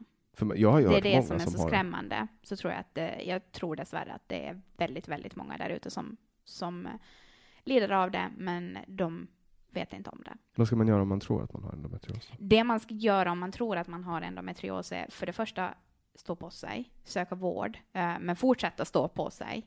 Um, bor man på Åland så kan man höra av sig till mig. Eh, Det är så sjukt att man måste stå på sig. För, alltså, det Men så är, är det det, så är det. Det är det vi har pratat om och det är, Jobbigt. Och de, det för, är de som inte, jättejobbigt. och för de som inte kan stå på sig, Ja. alltså de som faller undan här, det är ju de som är så sjuka att de inte orkar att stå på Mm. sig. Mm. Och de som faktiskt inte vet vad det är för fel på dem. Mm. De faller liksom utanför, de vet inte vad det är för fel. Och då kan de inte tala om det för läkaren. Mm. Och sen så orkar de kanske inte. Nej Alltså, då, så det, förstår jag. Ja, ja, såklart. Det, det, Det är inte meningen att det ska egentligen måste vara så. Man ska Nej. kunna gå till doktorn och lägga sig ner och lita på att de kan hjälpa en. Mm. Ehm, men så, är, så, så ser det ju inte ut. Det gör ju verkligen inte det. Nej, inte i det här fallet. Nej, Eh, inte inom tyvärr, kvinnovården. inte- och sen också andra exemplet är ju många psykiska Ja. tillstånd. Psykiska sjukdomar och kvinnosjukdomar. Mm. Det är väl egentligen de två områdena som mörkertalet är så Mm. satans stort. ja, men du reser ganska mycket och jobbar va? jag gör det. Mm. Vart får du resa? Oj, överallt. Eh, Las Vegas, inom Europa mycket. Eh, så jag har ju ett väldigt, väldigt intressant eh, och roligt jobb. Mm. Eh, Alltså det är väl kanske Ålands bästa jobb du har klubb, klubb, klubb Puff. Du åker runt Ja. och, och hänger med, med spelare. Ja, Typ. många ser ju det som så, men många förstår ju inte hur... Alltså, jag kan inte säga att det är utmattande, men det, det kräver ju mycket energi ur en. För du är ju 24-7 eh, ska du vara anträffbar när du är på dina resor. Du ska finnas där för kunderna, du ska planera allting som händer eh, när du, vart du än reser. Um, du ska ju se till att kunderna får en så fin upplevelse som möjligt. Um, så det, det är ett fantastiskt jobb. Det mest roliga jobbet jag har haft och har. Eh, och jag ska inte byta bort det en sekund. Dessvärre så, så är det ju såklart för min del eh, personligen så blir det ju ibland väldigt utmanande. För om jag står där och känner att nu kommer smärtan sakta men säkert smygande på så får jag ju inte, och jag vill inte visa en endaste min Nej. om att jag har ont. Eh, för jag vill ju inte, jag, jag vill inte ha någon sympati. Eh, jag vill fortfarande ses som den glada, positiva, pigga, spralliga Mira. My. Ja, men lite så. Mm. Jag vill ju inte bli... Jag vill ju inte att sjukdomen i sig, endometriosen i sig, ska få ta över mig. Just nu så är det lite så tyvärr. Men vad kan man göra? Det kan bara bli bättre. Mm. Mm. Det är så jag får tänka. Vill du prata jobb? Är det okej att du pratar Puff? Nej, inte egentligen. Inte mer än, än det då. Mm. eh, som det jag, det jag gör Mm. på Puff. Så det, det jag funderar lite på specifikt är vad, vad är syftet med resorna? Det är ju att träffa kunderna. Är, får- är, det, är det sådana som har vunnit resor som är Mm. på de här? Det är det. Och så åker ni Träffa iväg? kunder. Och jag menar, vi reser ju inte bara, vi tar ju kunder även hit Mm. till Åland. Så att det är att träffa kunderna, de, de existerande kunderna vi har och, eh, och på samma sätt också träffa nya. För alla får ju alltid ta med sig en vän. Det låter ju, alltså det låter ju som ett jobb som man skulle inte kanske kalla för ett jobb. det är nog ett jobb, det är det. Fråga min sambo. Mm. det är ett jobb. Hur många är ni som jobbar på klubb Ja, Paff? för tillfället så är vi tre stycken. Eh, Så att vi är en tajt, eh, effektiv och fantastisk grupp. Mm. Det finns ju väldigt mycket åsikter om Paff. Mm, det är klart det finns. Men, eh, men, men det är väl alltså, det har ju gått, det har ju gått extremt bra för Paff. Mm. Alltså resultatmässigt, det är ju helt sinnessjuka pengar Mm. Paff gör. Det är ju så mycket pengar så att man har väl till och med svårt att få ut dem till alla som vill ha Paff-pengar. Jag vet inte hur det ligger till där, men jag, jag absolut, det är... Att säga att man jobbar på Paff så är inte alltid kanske... Man får inte den där fantastiska reaktionen som man skulle vilja. Eh, delvis för att det har varit så mycket, mycket skriverier eh, om det. Men eh, jag försöker se det som, som ett, ett jobb som vem annan som helst här i världen har. Vet du hur det här systemet funkar Kajsa, med Paff-pengar? Nej, jag har ingen aning om hur det systemet funkar. Antagligen att en viss procent av vinsten delas ut till olika idrotts och saker. Ja, det var en ganska bra gissning. Ja. det, eller Det är logiskt. Ja, det är ju exakt så. Typ, nästan all vinst så går till eh, Ja. föreningsliv och, eh, och sen är det specifika syften, allmännyttiga Mm. eh, syften ska det gå till. Så vem som helst, egentligen, vilken organisation Så som helst. kulturbidrag? Eh, Ja, kulturbidrag, eh, idrottsföreningar, även investeringsstöd. Mm. Så de pengarna tas ut från Paff. I och med att det är Ålands landskapsregering som äger Paff eh, så tas de pengarna ut och går till Ålands landskapsregering som sen ger ut dem till olika, i olika stöd. Mm. Och därför har ju varenda ålänning har ju någon form av relation till Nytta av Paff. Ja. Ja. För att det är ju det som gör att vi har, vi har ju galet många fotbollslag och ishockeylag och Mm. gymnastikföreningar och vi har ju hur mycket som helst. Mm. Och det är ju tack vare de pengarna då. Mm. Men många anser ju att de är smutsiga för att de har liksom tjänats på ett, ett monopol som handlar om, om spel. Men folk spelar ju ändå. Mm. Det är väl lite det som är tanken med att man ska ha ett, ett monopol. Och nu är det ju mycket snack också nu när man har tagit in paffpengar för att använda i, i driftsbudgeten. I landskapsregeringens driftsbudget. Mhm. Men det har man gjort Okej. förut. Det är ingenting nytt. Eh, men, men det kommer att bli mycket, mycket sådana diskussioner de kommande, den kommande tiden. Okej. I och med att budgeten ska sättas? Ja. Mm. Den ska debatteras. Mm. Nu ska den debatteras, sen i vår så kommer det tilläggsbudgetar och sen så varje år så på hösten så diskuteras budgeten och då, blir- då blir det ett, liv, det är ett jäkla liv. Mm. Det är väl år, årets höjdpunkt för politiker. Är det så ja? Ja, det måste man väl ändå säga. Okej. Så det, det är spännande tider på det sättet. Mm.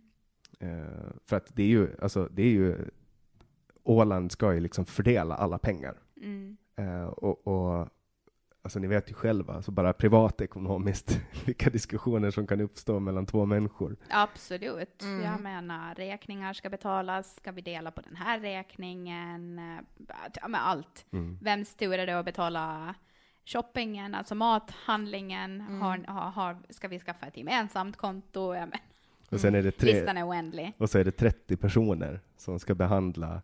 Så det här är varför jag inte ger mig in i politik.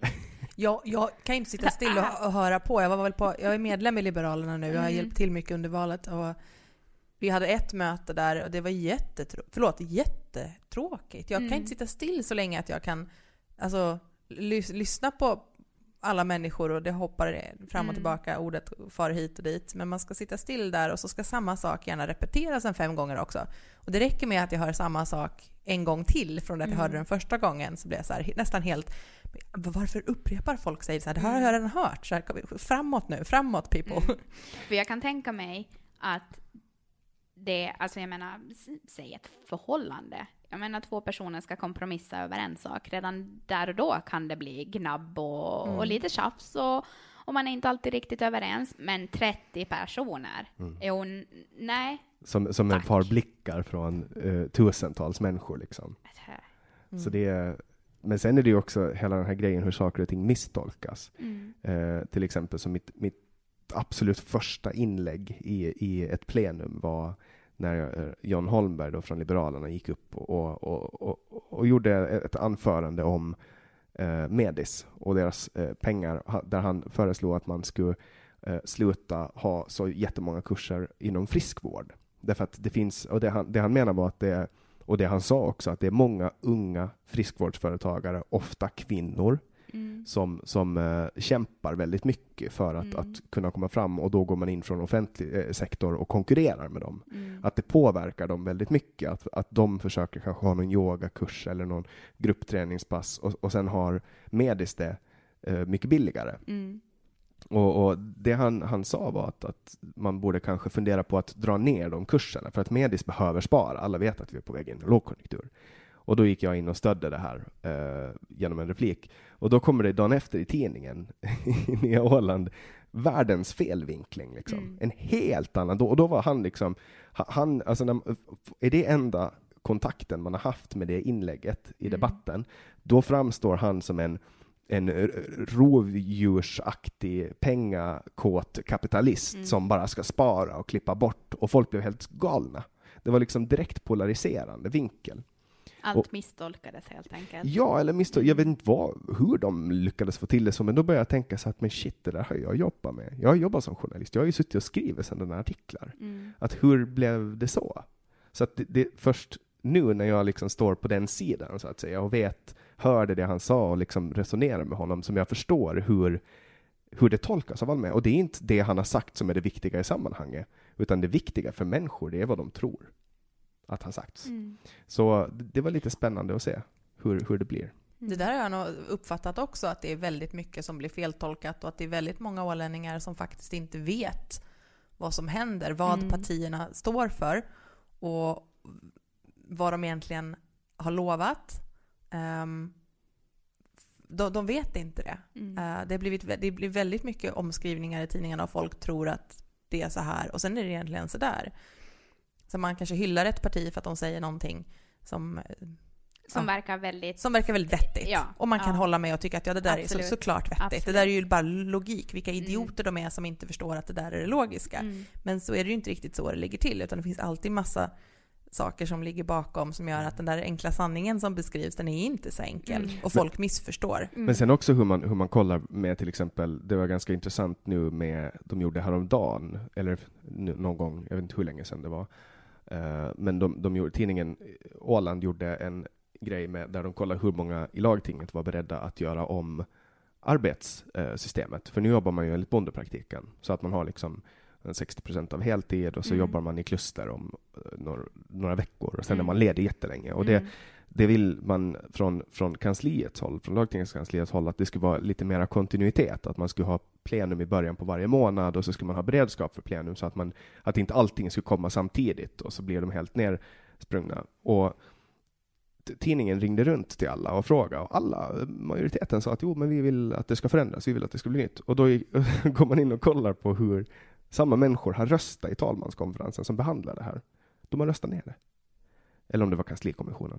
Det var kanslikommissionen eller talmanskonferensen. Men samma människor som säger i tidningen ja, vi vill ha en förändring, sitter och röstar på ett sätt som gör att gamla systemet hålls kvar. Och det är inte det enda exemplet som jag har hört faktiskt. Nej, men det, man, man behandlade tre gånger under den här mandatperioden. Om det var, jag kommer inte ihåg om det var kanslikommissionen eller talmanskonferensen, men tre gånger behandlade man det och varje gång så sänkte man det. Och så sitter samma människor och säger, och det är också en sån här grej att det är därför jag tror att det behövs mycket nya medier. Varför Mm. jag uppmuntrar folk att, att starta poddar och bygga sina egna kanaler. Mm. För att då kan man få ut en, en mer rättvis bild av vad det är som händer. Mm. Därför att tidningarna har inte alltid möjligheten och tiden och kanske inte heller deras agenda är inte kanske att, att hålla allting på ett sätt. För att till viss del så kanske man behöver vara lite polariserande Mm. för att få folk att reagera.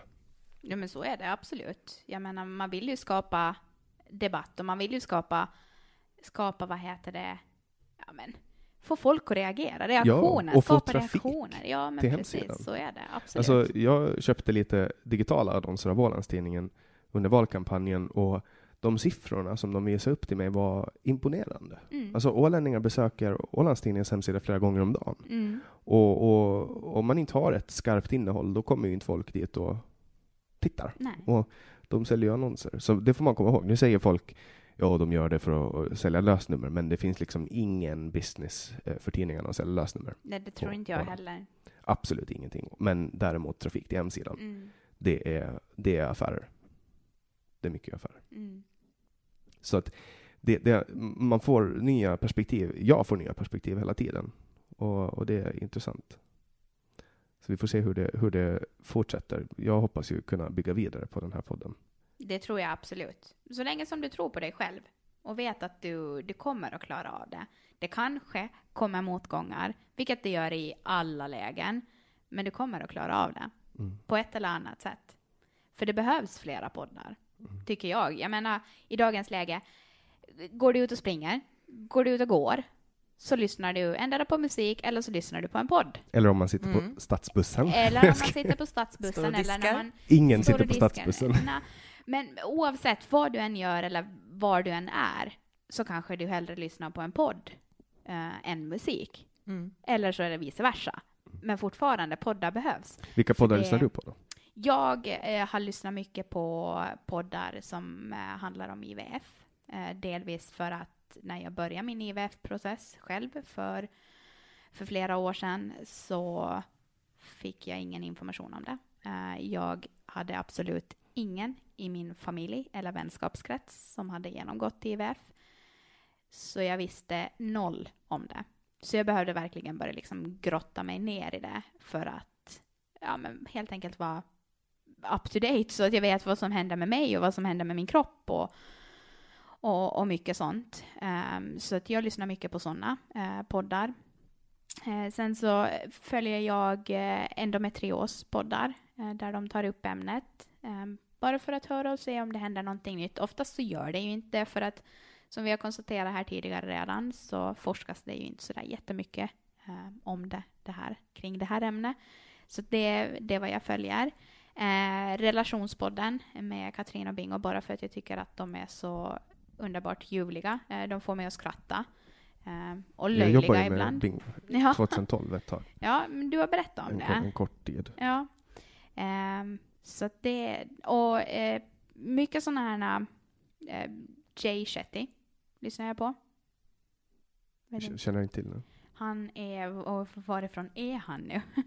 Eh, ja, men han har mycket bra, bra budskap, tycker jag egentligen, i, i sin podd om, om hur du liksom ska tackla saker och ting och, och eh, hur du kan tänka på ett annorlunda sätt, helt enkelt. För oftast så, när jag mår dåligt, eh, så klandrar jag ju mig själv väldigt mycket. Mm. Ehm, och jag sätter alltid skulden på mig själv. Eh, det är ju inte rätt. Det, alltså det är ju inte, jag kan ju inte göra någonting åt det faktum att jag i dagens läge lider av en, en kronisk eh, sjukdom. Eh, det enda jag försöker göra är att må så bra som möjligt och försöker lita på vården och försöker lita på att de gör allt vad de kan eh, för att jag ska må bättre. Vi har våra goda stunder och så har vi våra dåliga stunder, eh, men fortfarande så, så klandrar jag ju mig själv väldigt mycket för, för allt.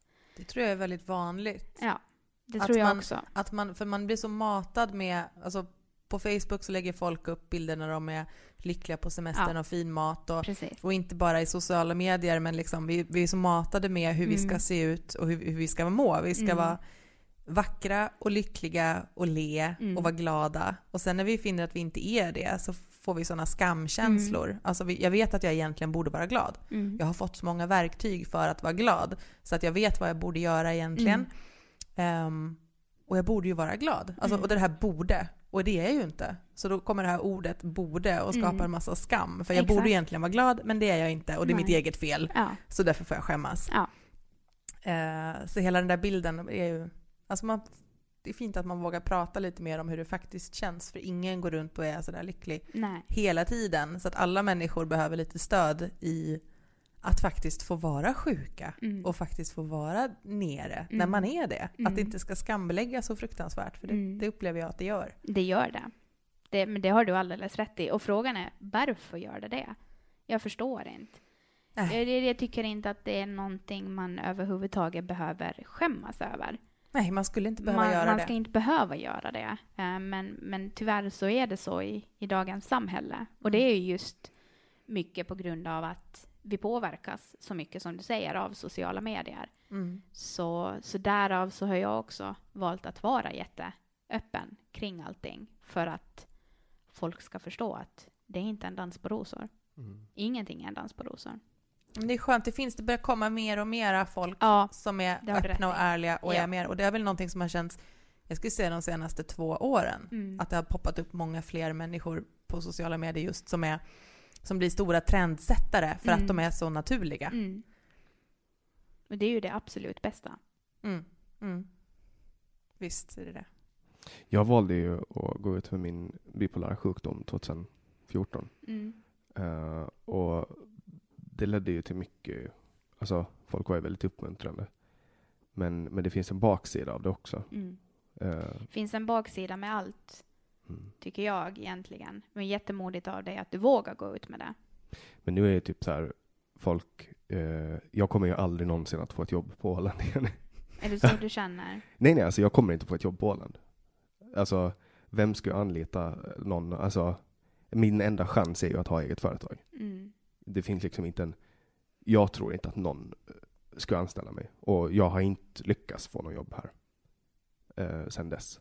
Så att mitt enda val var att eh, starta eget företag. Mm. Och det har ju varit det bästa, det är ju det bästa beslutet jag någonsin har gjort. Mm. För att nu får jag verkligen alltså, skapa mi, mitt eget. Alltså göra precis som jag vill. Och det är ju hur kul som helst. Det funkar jättebra för mig. Men tror du att det är det på grund av att du har varit så öppen och ärlig om, om din sjukdom? Jag tror bara att folk inte vill ha någon som är bipolär. Det var ju samma när jag skulle försäkra mig också. När, när jag startade mitt första företag och Mm. skaffade mig en sjukförsäkring, en privat sjukförsäkring, så fick jag inte. Jag blev nekad. För att de behövde en fullmakt för att kolla på mina journaler. Och då fick jag hem ett brev där det stod att hej, vi har nu gått igenom dina journaler och vi konstaterar att, att du tidigare har varit inlagd på, på psykiatrisk avdelning på grund av bipolär sjukdom. Vi har därför valt att inte försäkra dig. Och det var så här, jaha, schysst. Eh, men sen förstår man ju, alltså de kollar ju på risk. De vet de- att de någon gång kommer att få betala. Ja. Så att eh, det är ju sådana eh, saker man, man får. Men sen också är det ju sättet folk, alltså så fort jag blir ledsen, eh, eller om, om folk märker att jag är ledsen, eller nere, då tror ju folk automatiskt att jag har en sjukdomsperiod. Mm. Och då blir folk så här extremt försiktiga och liksom, ehm, ja men, de behandlar mig på ett annat sätt. Ja, fast sjukdomen ska ju inte definiera vem du är som person. Nej, och, och, är därför har jag ju, och därför har jag ju börjat säga att jag har en bipolär sjukdom istället. Mm. För förut sa jag alltid att jag är bipolär. Mm. Men, men jag är ju liksom inte... Du är ju inte sjukdomen. Jag är ju en människa. Du är ju en människa, du är ju du. Och du har ju utvecklats till den du är. eh, på grund av allt som händer runt omkring Ja, dig. sen också och, mycket tack vare allt- sjukdomen, Ja, precis. Den tar ju i perioder tar ju den bort rädslan och gör att jag kan göra extrema... Ja, men precis. saker. Och jag menar, samma sak är det för mig. Och jag... Skulle, den dagen någon inte anställer mig på grund av att jag har en kronisk sjukdom, Mm. eh, då är det något fel på vårt samhälle. Eh, för att fortfarande, så jag är ju jag, på grund av allt jag har gått igenom i mitt liv. Jag är ju, det har ju format mig till den jag är idag. Men bara för att jag är ärlig och öppen om, om en kvinnosjukdom som kan i perioder vara väldigt, väldigt tuff, så ska inte det hindra någon från att anställa mig. Men det folk ser det är ju, ja hon kommer att vara sjuk, hon kommer att Jag kosta oss förstår pengar. det. Jag, absolut, jag förstår det. Och det är ju klart, det spökar också i min hjärna varje dag. Att det är så folk ser på mig. Ja, men hon är mycket sjuk och hon är mycket borta. Och, och jag menar, skulle de själva gå igenom det, skulle de själva vara med om det, så kanske de skulle ha lite bättre förståelse. Därpå kommer vi till det igen, att det är så viktigt att vara öppen om hur det är. Hur man, hur man själv mår och vad man själv går igenom. Tycker jag i alla fall. Väldigt viktigt. Det, Men det kan ta det- väldigt lång tid innan man ta. vågar öppna sig. det har du alldeles Så man kan gå runt och vara sluten i så många Ja. år innan man vågar. Absolut. Men sen också folks reaktioner är ju att oj, hur kan du prata om det där? Alltså, Mm. du är så modig, Mm. säger folk. Och då blir det så här, för mig, så det, men vadå, varför ska jag inte prata om det? Men hur känner du själv? Känner du att det på något sätt för dig har blivit som en viss terapi? Att våga prata om det och våga vara öppen om det? Mm, jag tror bara att jag har svårt att vara tyst om, det som Okej. pågår i mitt liv. Ja. Jag tror att det är li- lite på det sättet. Mm. Men sen har jag haft i perioder eh, alltså där jag har pratat för mycket om det. Så att Mm. folk har blivit så här, men lägg av nu. Vad fan håller, alltså, nu drar, typ när man sitter på någon förfest och pratar om, om äh, ångest liksom. Mm. Eh, då, Jo, men jo, då har man kanske dragit det lite snäppet Ja. för långt. Jag förstår vad du menar, men för mig så har det varit att, att kunna, att våga öppna mig, så har det varit för mig en sorts terapi, eh, tills jag fick eh, någon annan att prata om det med, som inte dömer mig så att säga. Och eh, jag kan bara säga att jag känner precis som du ibland att okej, nu blir det för mycket noise som att jag mår dåligt, så nu Mm. sätter vi in en annan bild här. Eh, men det är ju oftast då för att jag mår bra eh, som jag kan få in den andra, andra vinkeln helt enkelt. Att ja, men nu är jag någon annanstans i världen eller eh, nu är jag med min sambo eller någonting sånt här. Ehm, så att eh, våga stå på sig Mm. eh, och våga våga lita på att, att man gör det. Ja, men, bilderna jag lägger upp och det jag lägger ut på mina sociala medier är för mig själv, inte för någon annan. Mm. Så är det nog bara. Jag har ju lärt mig mycket av det här med öppenheten av min syster Mm. Sandra Lundberg. Som, och hon är väl, det är väl lite av hennes varumärke att hon skriver väldigt öppet om, om sig Mm. själv och sina uh, åkommor. Och, Och henne vågar de anställa. Ja, jo, Ja, eller ja, nja, eller jag vet inte om hon har sökt jobb, så hon har ju eget också, så Ja, hon har eget också, men, men hon är ju fortfarande säkert liksom, anställningsbar. ja, ja, ja, nej, alltså, men hon har, alltså hon skriver ju krönikor och sånt, men jag tror inte hon har haft någon anställning. mm. Jag vet inte, men Åland, det är ju, alltså man blir ju brännmärkt här. Det, det blir man ju. Jag vet ju många, många personer med eh, alltså missbruk och, och, och sådana då som är rena. Mm. Ehm, nu, är- nu använder jag ett uttryck som jag själv inte tycker om. När man säger ren från droger, då är det ju som att man säger att folk som använder droger är smutsiga. Men folk som har en historia med missbruk och kanske alkoholism har ju också extremt svårt att få jobb. Mm. För att folk tror att de kommer att falla tillbaka Falla när som tillbaka, helst. ja. Så att det, och sånt liksom jagar en i större utsträckning eh, på Åland och kanske också nu i den här tiden eftersom nu är det ganska lätt att googla. Mm. Och mm, i Sverige blev jag anställd. Men, men de visste ju inte vem jag var, för de var jag bara en, en person som hade skickat in en arbetsansökan. Mm. Så, så fort jag kom till Sverige så fick jag jobb. Mm. Men här fick jag inget jobb. Det är ju ehm, det är förfärligt att du, du känner så. Det är ju verkligen det, tycker jag. Jag menar visst, vi, vi bor på en, en liten ö där alla känner alla mer eller mindre. Men det ska inte få påverka, tycker jag, överhuvudtaget. Någonting. Men sen, sen om man ser det ur, ur deras perspektiv, alltså arbetsgivarens perspektiv, så Mm. kan de välja så här mellan en person som de vet att ja, men han här eller hon här har gjort, haft det här och det här jobbet, jobbat så länge på det företaget, kanske tagit en referens. Och sen säger de, sen har vi den här killen som, ja, jag läste om honom i tidningen, han är bipolär, han har bipolär sjukdom, det låter lite läskigt. Tänk om han Mm. eh, så här, börjar spinna på jobbet eller kanske kostar pengar för mycket borta. Alltså, Mm. så, så att det, det, det är väl kanske det och det är väl på något sätt kan jag ändå se den, det perspektivet. Mm. Så här, jag skulle, om jag skulle ska anställa någon och, och jag skulle veta att jag hade en person som inte var bipolär och en person som var bipolär. Nu skulle jag kanske överväga den bipolära för jag vet vad som händer när man, när man får de här perioderna. Man, man blir jättekreativ och man får jättemycket gjort och så. Men Man kan få lika mycket gjort som en vanlig person på väldigt mycket kortare tid. Mm. Det är egentligen det, så egentligen behöver det inte gå så väldigt mycket ut över arbetsinsatsen. Nej, precis. Det är bara det att den ser så extremt olika ut. Så Mm. att man, man kanske inte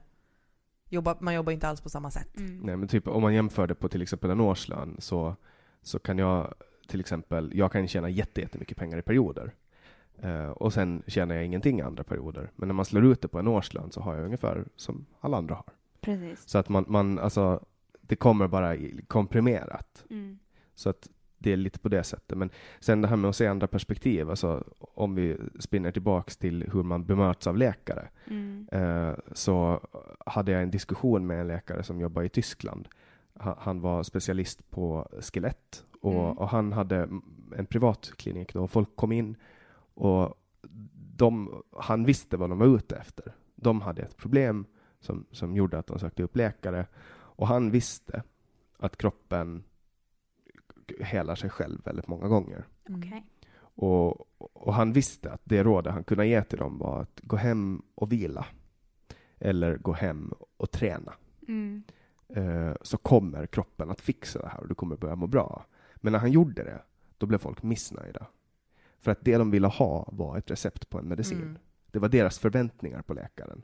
Okej. Eh, men, men när han, och, och då kunde han väl välja, för han jobbar ju privat, men han hade också jobbat offentligt. Mm. Och när han jobbade offentligt, då gav han enligt eh, sin läkares eh, hederskodex, liksom, att man ska ge den behandling som personen ska ha. Och det är ofta att ta lite smärtstillande och åk hem, liksom, så kommer det att bli bra. Precis. Och sen när han var privat, då ville ju han att folk skulle komma tillbaks nästa gång de hade någon krämpa.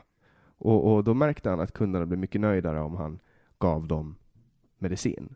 Och då kunde han skriva ut någon så här lite ofarlig medicin som han visste att kanske inte behövdes. Men de var ju där för att de ville ha medicin och de betalade honom.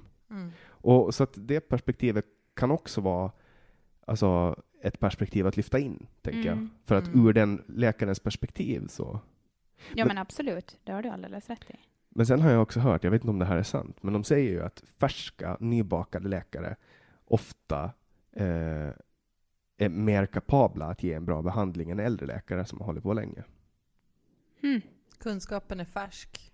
Mm. Det kan nog stämma. Och sen är det säkert... Nu har jag aldrig träffat en nybakad gynekolog, så att eh, jag är väldigt svårt att säga. Kajsa har en rolig gynekologhistoria. Ja, det var en jättekonstig grej hos gynekologen. Jag var, ehm, skulle göra en vanlig koll Mm. eh, och kommer dit och så frågar läkaren mig, det var en, en läkare och en sköterska, så frågar läkaren mig, en medelålders, lite äldre man, frågar mig och säger att jag har en praktikant med mig idag eh, som, som går på gynekologutbildningen och ska lära sig att skulle det vara okej om han också är med?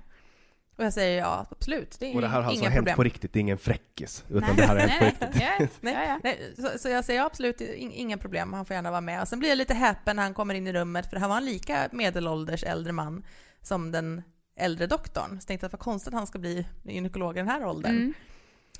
Och de verkar känna varandra väldigt bra. Du vet, man kliver in bakom ett skynke, man får ta av sig byxorna och trosorna och hoppa upp Mm. i den här stolen och Mm. sätta sig. Så när jag hade hoppat upp och låg där och väntade, de stod framme vid fönstret och de står djupt ingripna i, i, i ett hetsigt samtal liksom och står där och pratar och pratar och pratar och pratar. Och där ligger jag och väntar och väntar och väntar och väntar. Tills jag liksom tittar upp på sköterskan och, och, och frågar att, alltså ger henne en liten blick att, att tror att de är klara snart. och då säger sköterskan till dem, hon säger att ursäkta, eh, patienten är färdig hon, hon väntar. Hon tycker nog inte att det är så behagligt att ligga här och vänta längre. Nej. Att kan vi börja? Och då hade jag precis kommit tillbaka ifrån Marocko, så jag hade massa henna-tatueringar Ja. på fötter och ben och händer och liksom lite överallt. Och, och då kommer han fram och liksom lägger handen, han ställer sig mellan mina knän och lägger handen på ena knät. Och sen börjar han inleda en, en diskussion om henna-tatueringar, att, att oj vad mycket henna-tatueringar du har, bla bla bla bla bla. Och så ligger vi där och pratar, då ligger jag och pratar så jag liksom tittar på honom ner över magen och så står han där liksom nere mellan mina ben. Och så ligger fötterna liksom tittar upp åt varsitt håll, så man liksom ligger och stretar, och så Mm. liksom ligger där och pratar. Så det, det, det var lite konstigt. Men inte, inte så pass konstigt att jag liksom backar ur eller någonting, utan bara det var lite konstigt liksom. Mm. Konstig upplevelse. Människa jag inte känner, man ska Mm. prata med om någonting annat än just, annars kanske man skulle göra gynekologundersökningen först och så kanske man kan prata sen. Försökte han få dig att slappna av, tror du? Ingen aning, jag var inte ett dugg spänd. Nej. Jag, jag tvekar på att jag upplevdes som det minsta nervös, för det Ja. var jag inte. Jag var kolugn liksom. Det var, Okej. inga, det var ju inga, det var inga konstigheter alls. Nej. Men sen när den där andra... Och sen så, kommer, och sen så, sen så ska undersökningen till sist börja. Och jag tror att det var sköterskan igen som sa att nu får vi nog chappa på lite här för att Nej, men- vi blir klara. och, och då går den här andra praktikantgynekologen då, han går fram och hämtar en sån här rulllampa Alltså en operationslampa. som rullar på hjul som han drar fram och som han liksom pekar in så här mellan mina ben och verkligen lyser upp hela så att, han ska se, ja, så att han ska se riktigt ordentligt. Så här, det var också konstigt. Tänkte att så där, i sånt där bra ljus har inte jag sett mig själv liksom. Är det så? Ja men inte har jag tittat på mig själv i så bra ljus med värsta, kirurglampa. Op- med kirurglampa, såna värsta har de ju alltid här. va? Såna har de alltid. Använder sig Jo men det här alltid var av alltså de här. utöver det Ja, ljuset som Det var redan utöver det ljuset som redan var. Han gick så det och var ju hämtade en inte, till. det var inte, Jaha! det var inte doktorn som behövde en sån lampa för att se bättre. Det var han. Det var praktikanten Nej, men- som gick och hämtade den för att se bättre. Hej. Ja, alltså jag kan inte tänka mig hur det är att gå, alltså, gå till en, en gynekolog. Alltså, skulle jag behöva gå flera gånger i år till någon som, som skulle inventera mitt könsorgan. Jag skulle ju tycka att det var otroligt påfrestande, alltså integritetsmässigt. Alltså man vänjer sig ju. Nej, jag, Ja, man gör ju det. Man gör ju det är det. det man gör. Ja, men att hålla på och använda massa kalla tillhyggen också. Alltså, jag, Ja, den, värsta, den värsta obehagligaste undersökningen jag varit med om var i Finland, just i Karis. Ehm, väldigt kallt stålbord liksom. In, ingen sån här Ja, stol men som är lite skön, utan ett kallt stålbord med, med, med åh, nej, inte, ha, fotstöd som, som också var av stål. Och liksom, all, det var som att allting var askallt i stål. Både det man Aj. låg på och de instrumenten som de använder. Det var så stora jävla järngripklor liksom. Usch. Usch. som var så här kalla och Men fy. Ja, nej det var ingen, det var ingen behaglig upplevelse. Nej, jag, det det, var, förstår jag. det var så här, och, ja. Nej, nej usch. Det har jag inte varit med om hemma i, i, de trakterna, Nej. hemma i Karis. Nej. Men det, Det här Det var ju som- 2005, Mm. 4 5 där Precis. någonstans. Så det var Ja. ett tag sedan. Ja. Jag gissar att de också har bytt ut mycket jag av sina grejer det. kändes. Jag hoppas det verkligen. Men ni kan ju alltså ha träffats någon gång. Jaha. Eh, fast det är ju lite, det är ju Mm. några års skillnad där, men Mm. du bodde där när Kajsa studerade? Ja, jag är ju född och uppvuxen där. Så Ja. att 2009 flyttade jag, flyttade jag hit. Ja, då var du där när jag var Ja. där. Vad har hänt med din finlandssvenska då? Eh, det gick till som så här. Jag satt i skolan ehm, och eh, skulle säga någonting på mm, lektionen. Och så märkte jag hur alla reagerade på att jag hade en väldigt grov finlandssvensk dialekt. Och eh, så fick jag höra att hon låter som Muminmamman. Och that's it. Där, där började jag. Slipa bort den. Där började jag slipa bort den. Ehm, men så när jag pratar med mamma eller morfar eller, eller någon annan hemifrån i, i telefon så, så är det klart att det kommer fram. Mm. För jag, jag minns att du hade mycket bredare dialekt Ja, förut. jo, men absolut. Det, det stämmer. Men sen är det ju det också att jag, jag umgås ju med, med bara ålänningar nu för tiden. Så det är ju klart man, man snappar ju upp liksom ord och, och, och så vidare. Så den har nog, den, den där finlandssvenskan, den, den har försvunnit. Dessvärre. Men den kommer fram när, när, jag, när jag är på fastlandet. Hur, hur låter det för dig? Låter hon finlandssvensk för dig? Nej, Kajsa? inte ett dugg. Nej. Men nu har du börjat vänja dig med åländska antar jag? Jo, För nu har du bott här i ett sex, Ja. sju månader? Ja. är det så pass länge nu? Fem, sex? Sen juni. Ja, sen juni. Så Mm. fem. Så nu ska vi räkna igen. Och det går inte. Ja, typ sex. Ja. Fem, fem, nästan sex månader. Mm. Men jag måste räkna på fingrarna, jag är helt hopplös. Ja, vad ska man med skolmatte till liksom? det undrar jag också ibland. Jag använder ju faktiskt min Eh, skolmatte. Samma sak sa jag åt min uh, mattelärare. Vem hade du som mattelärare? Eh, oj, jag hade flera olika. Det böt. Eh, först hade vi en som var för Ålands, alltså yrkes då. Och sen mitt i allt så fick vi in en manlig från, från Sjömansskolan. Uh, minns inte alls vad han hette. Men, men jag vet att jag var väldigt bra på att snacka bort honom. Eh, när inte jag var intresserad av matte, eller jag märkte att någon annan i, i klassen då inte liksom orka med det. Så var det bara att börja prata om någonting annat och så började han prata om det då.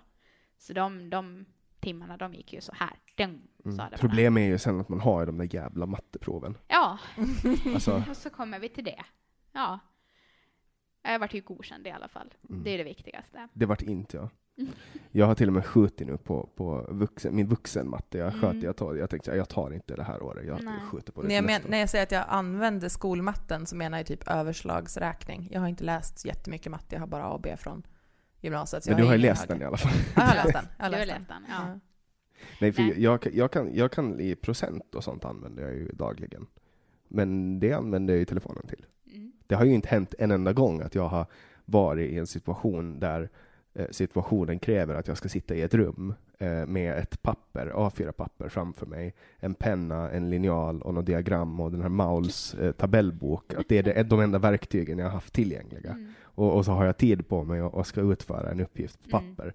Det är ju bara en syntetisk sak, eh, situation som uppstår när man ska lära ut matte till folk. Mm. I övrigt så går jag runt och så har jag telefonen med mig. Så är det. Mm. Ja men så är det ju. Och så, och så kan jag göra så här också. Hej Siri, vad är ett plus ett? Oj, jag måste låsa upp telefonen tydligen. Okej, vi förstår poängen, grejen. Den är fin. Ja. Passa det så hon inte svarar tre. Ja, men nu vill jag göra det, bara för att se vad hon svarar. Hej Siri, nej men jag kanske behöver internet också. Eller? ja. Det har varit ett värsta... det, Vilket ett dilemma. projekt, ja. Nu fuckar du upp Det hela... var, det var någon som sa i början av det här att eh, telefonerna på flygplansläge. Ja. Ja, min är utanför bara, ja.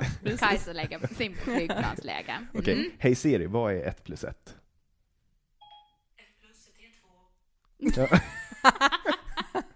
Ja, hon är smart, hon är Siri. det ska jag, det, det där ska jag, alltså tänk om min mattelärare från ettan, om, om, om skulle veta om att i framtiden så kan man ha en telefon där man kan ställa frågan, så svarar Mm. den. Det är väldigt bra. Väldigt komiskt med, med just Siri är min, eh, mina två goda kompisar eh, har ett barn tillsammans som heter Siri. Så alltid när jag ser henne eh, eller pratar om henne hemma tillsammans med min sambo och sådär att ja men Siri det eller eh, säger då liksom möter henne och säger hej Siri eller är hos henne och, och, och ropar på henne Siri eh, så reagerar min mobil på den. Och det är ju helt otroligt. Men den är ju röststyrd. Min, Eh, Den är ju det. min svarar ju bara av min röst. Om jag säger Hej Siri, hur mycket är klockan? Du måste låsa upp telefonen. Men stu... Nej, nej, hon Nej. svarar nu. Hon svarar. Gör hon? Mm. ja, Men, men om, om, om någon annan gör det så, så, så, reagerar den inte. Nej. Nej. men så var, så var det inte förr i tiden. Nej. Då kunde vem som helst. Mm. Oj, nu ringer det till och med i får du stänga av. Ja, får du lägga av. Men nu har vi närmat oss eh, slutet. Mm. Mm. Så. Vi har två minuter kvar. Tiden går snabbt när man har roligt, brukar jag säga. Ja, men verkligen. Ja. Ja, det var mycket lättare att sitta still den här gången också. Det kan vara hunden som ligger i famnen. Men men jag hon sitter har varit ganska- så duktig. Ja, verkligen. Ja, så kanske det som gör att jag också varit duktig. Mm. Men du har varit jätteduktig, trots Ja. dina Jag har inte hoppat någonting. Nej, Alla har varit duktiga. alla har varit jätteduktiga. Mm. Vi hyllar varandra nu i två Ja. minuter tills... Hylla varandra till skyarna. Ja, men jag tror det är viktigt att man får höra att man har varit duktig. Ja. Eller alltså att man uppmuntrar varandra med just det positiva. Mm. Uh, vare sig det är privat i ett förhållande på jobbet eller någon annanstans så tycker jag det är Det viktigt. tror jag alltid är the way to go Ja. om man ska ha resultat. För Ja. folk vill vara duktiga. Man kan jämföra med att träna en, en hund. Mm, För hundar responderar också mycket bättre på beröm precis. än på negativitet. Alltså vi säger De ju vill och ju med... inget annat än att hjälpa till egentligen och, och de vill ju göra vad husse och matte vill. Ja. Bara jag förstår vad det är de vill. ja. Typ så. Och jag vill vara duktig. Så det är bara att tala Men om för dem alltså, är. sen, sen, vi säger ju till Jonna att hon är duktig varje gång hon kissar liksom. Mm. Mm, Ja, jag vet, ska vet du vad hon gör då? Vet du vad hon gör då? Hon är så smart. Så att när man ropar på henne och hon inte vill komma på en gång, då sätter hon sig ner och kissar. Då vet hon att man inte kan liksom Skälla på henne. för att hon inte kommer, för hon är ju duktig för hon kissar. Ja. Hon Hur, ofta, hur ofta säger ni åt varandra att, ni, att du är duktig? Eller bra jobbat? det det händer att jag öppnar dörren när Kajsa sitter och kissar och säger vad duktig du är. Nej. Nej, det har aldrig hänt. Det var värsta skojet ever. Jag gjorde det häromdagen. Jag gjorde det häromdagen, för, men det var ett skoj. Ja, Jo, men vi säger nog att vi är duktiga. Eller jag säger i alla fall till Annika att han är duktig då och Och då. jag säger till Kajsa att hon är duktig. Hon tog en jätte, jättebra bild för inte så länge sedan. Den bästa bilden hon någonsin har tagit. ja men vad Tog bra. hon när hon var i Och han är så söt, det säger du ganska ofta faktiskt. Mm. Vad fint. Ja, Mm. men det är viktigt att uppmuntra varandra Ja, det är det. eh, för att man ska må bra. Mm. För i dagens samhälle så händer det så mycket tråkigheter tycker jag och vi påverkas väldigt negativt och just nu så är vi inne i en sån period då det är mörkt mer eller mindre Mm. dygnet runt så att man Mm. har sina stöttepelare runt omkring sig som uppmuntrar en. Så är jätteviktigt. Mm. Det är ju extremt länge sedan det var sommar känns det som. Mm. Ja men och, det är det. Och så har man liksom inte, eh, för mig är liksom all distans, det är så mycket distans till sommaren. Mm. Det känns som att det var hundratusen år sedan. Och nu är det november, Ja. mitten på november. Mm. Och med det sagt så tackar jag Amira Bogdiri för att Tack du kom själv hit. Jannik. Och Kajsa. Tack. Ja, tack Kajsa. Tack Ja. Amira. Vi hoppas att du vill fortsätta vara med för jag tyckte det här var ganska roligt. Det var ganska trevligt va? Ha en Det så Jag var är inte så dum som jag ser ut. Nej. jag tycker inte att du alls ser Nej, och det var jag som sa det. Så. Så. Yes, och eh, till alla er som har lyssnat så tackar vi för att ni har hängt med ända till det, det glada slutet. Ja! för det var ett glatt slut. Ja, Man men brukar ju säga det det. bistra eller bittra slutet. Och om ni vill höra flera avsnitt så hittar ni dem i vanlig ordning på www.samtal.ax. Där finns alla våra gäster och där kan ni också gå in och önska ifall det finns någon gäst som ni vill gärna höra. Och det är en funktion som använt, används flitigt och det får ni gärna fortsätta göra också. Eh, vi släpper nya avsnitt varje onsdag vid midnatt. Ni hör dem vanligtvis vid halv ett och jag vet att det är många av er som sitter och väntar. Jag ska försöka att aldrig någonsin mera vara sen med ett avsnitt som jag faktiskt har varit några gånger. Producent för det här avsnittet var Didrik Svan. Jag heter Jannik Svensson och du lyssnar på Säg vad du vill Åland.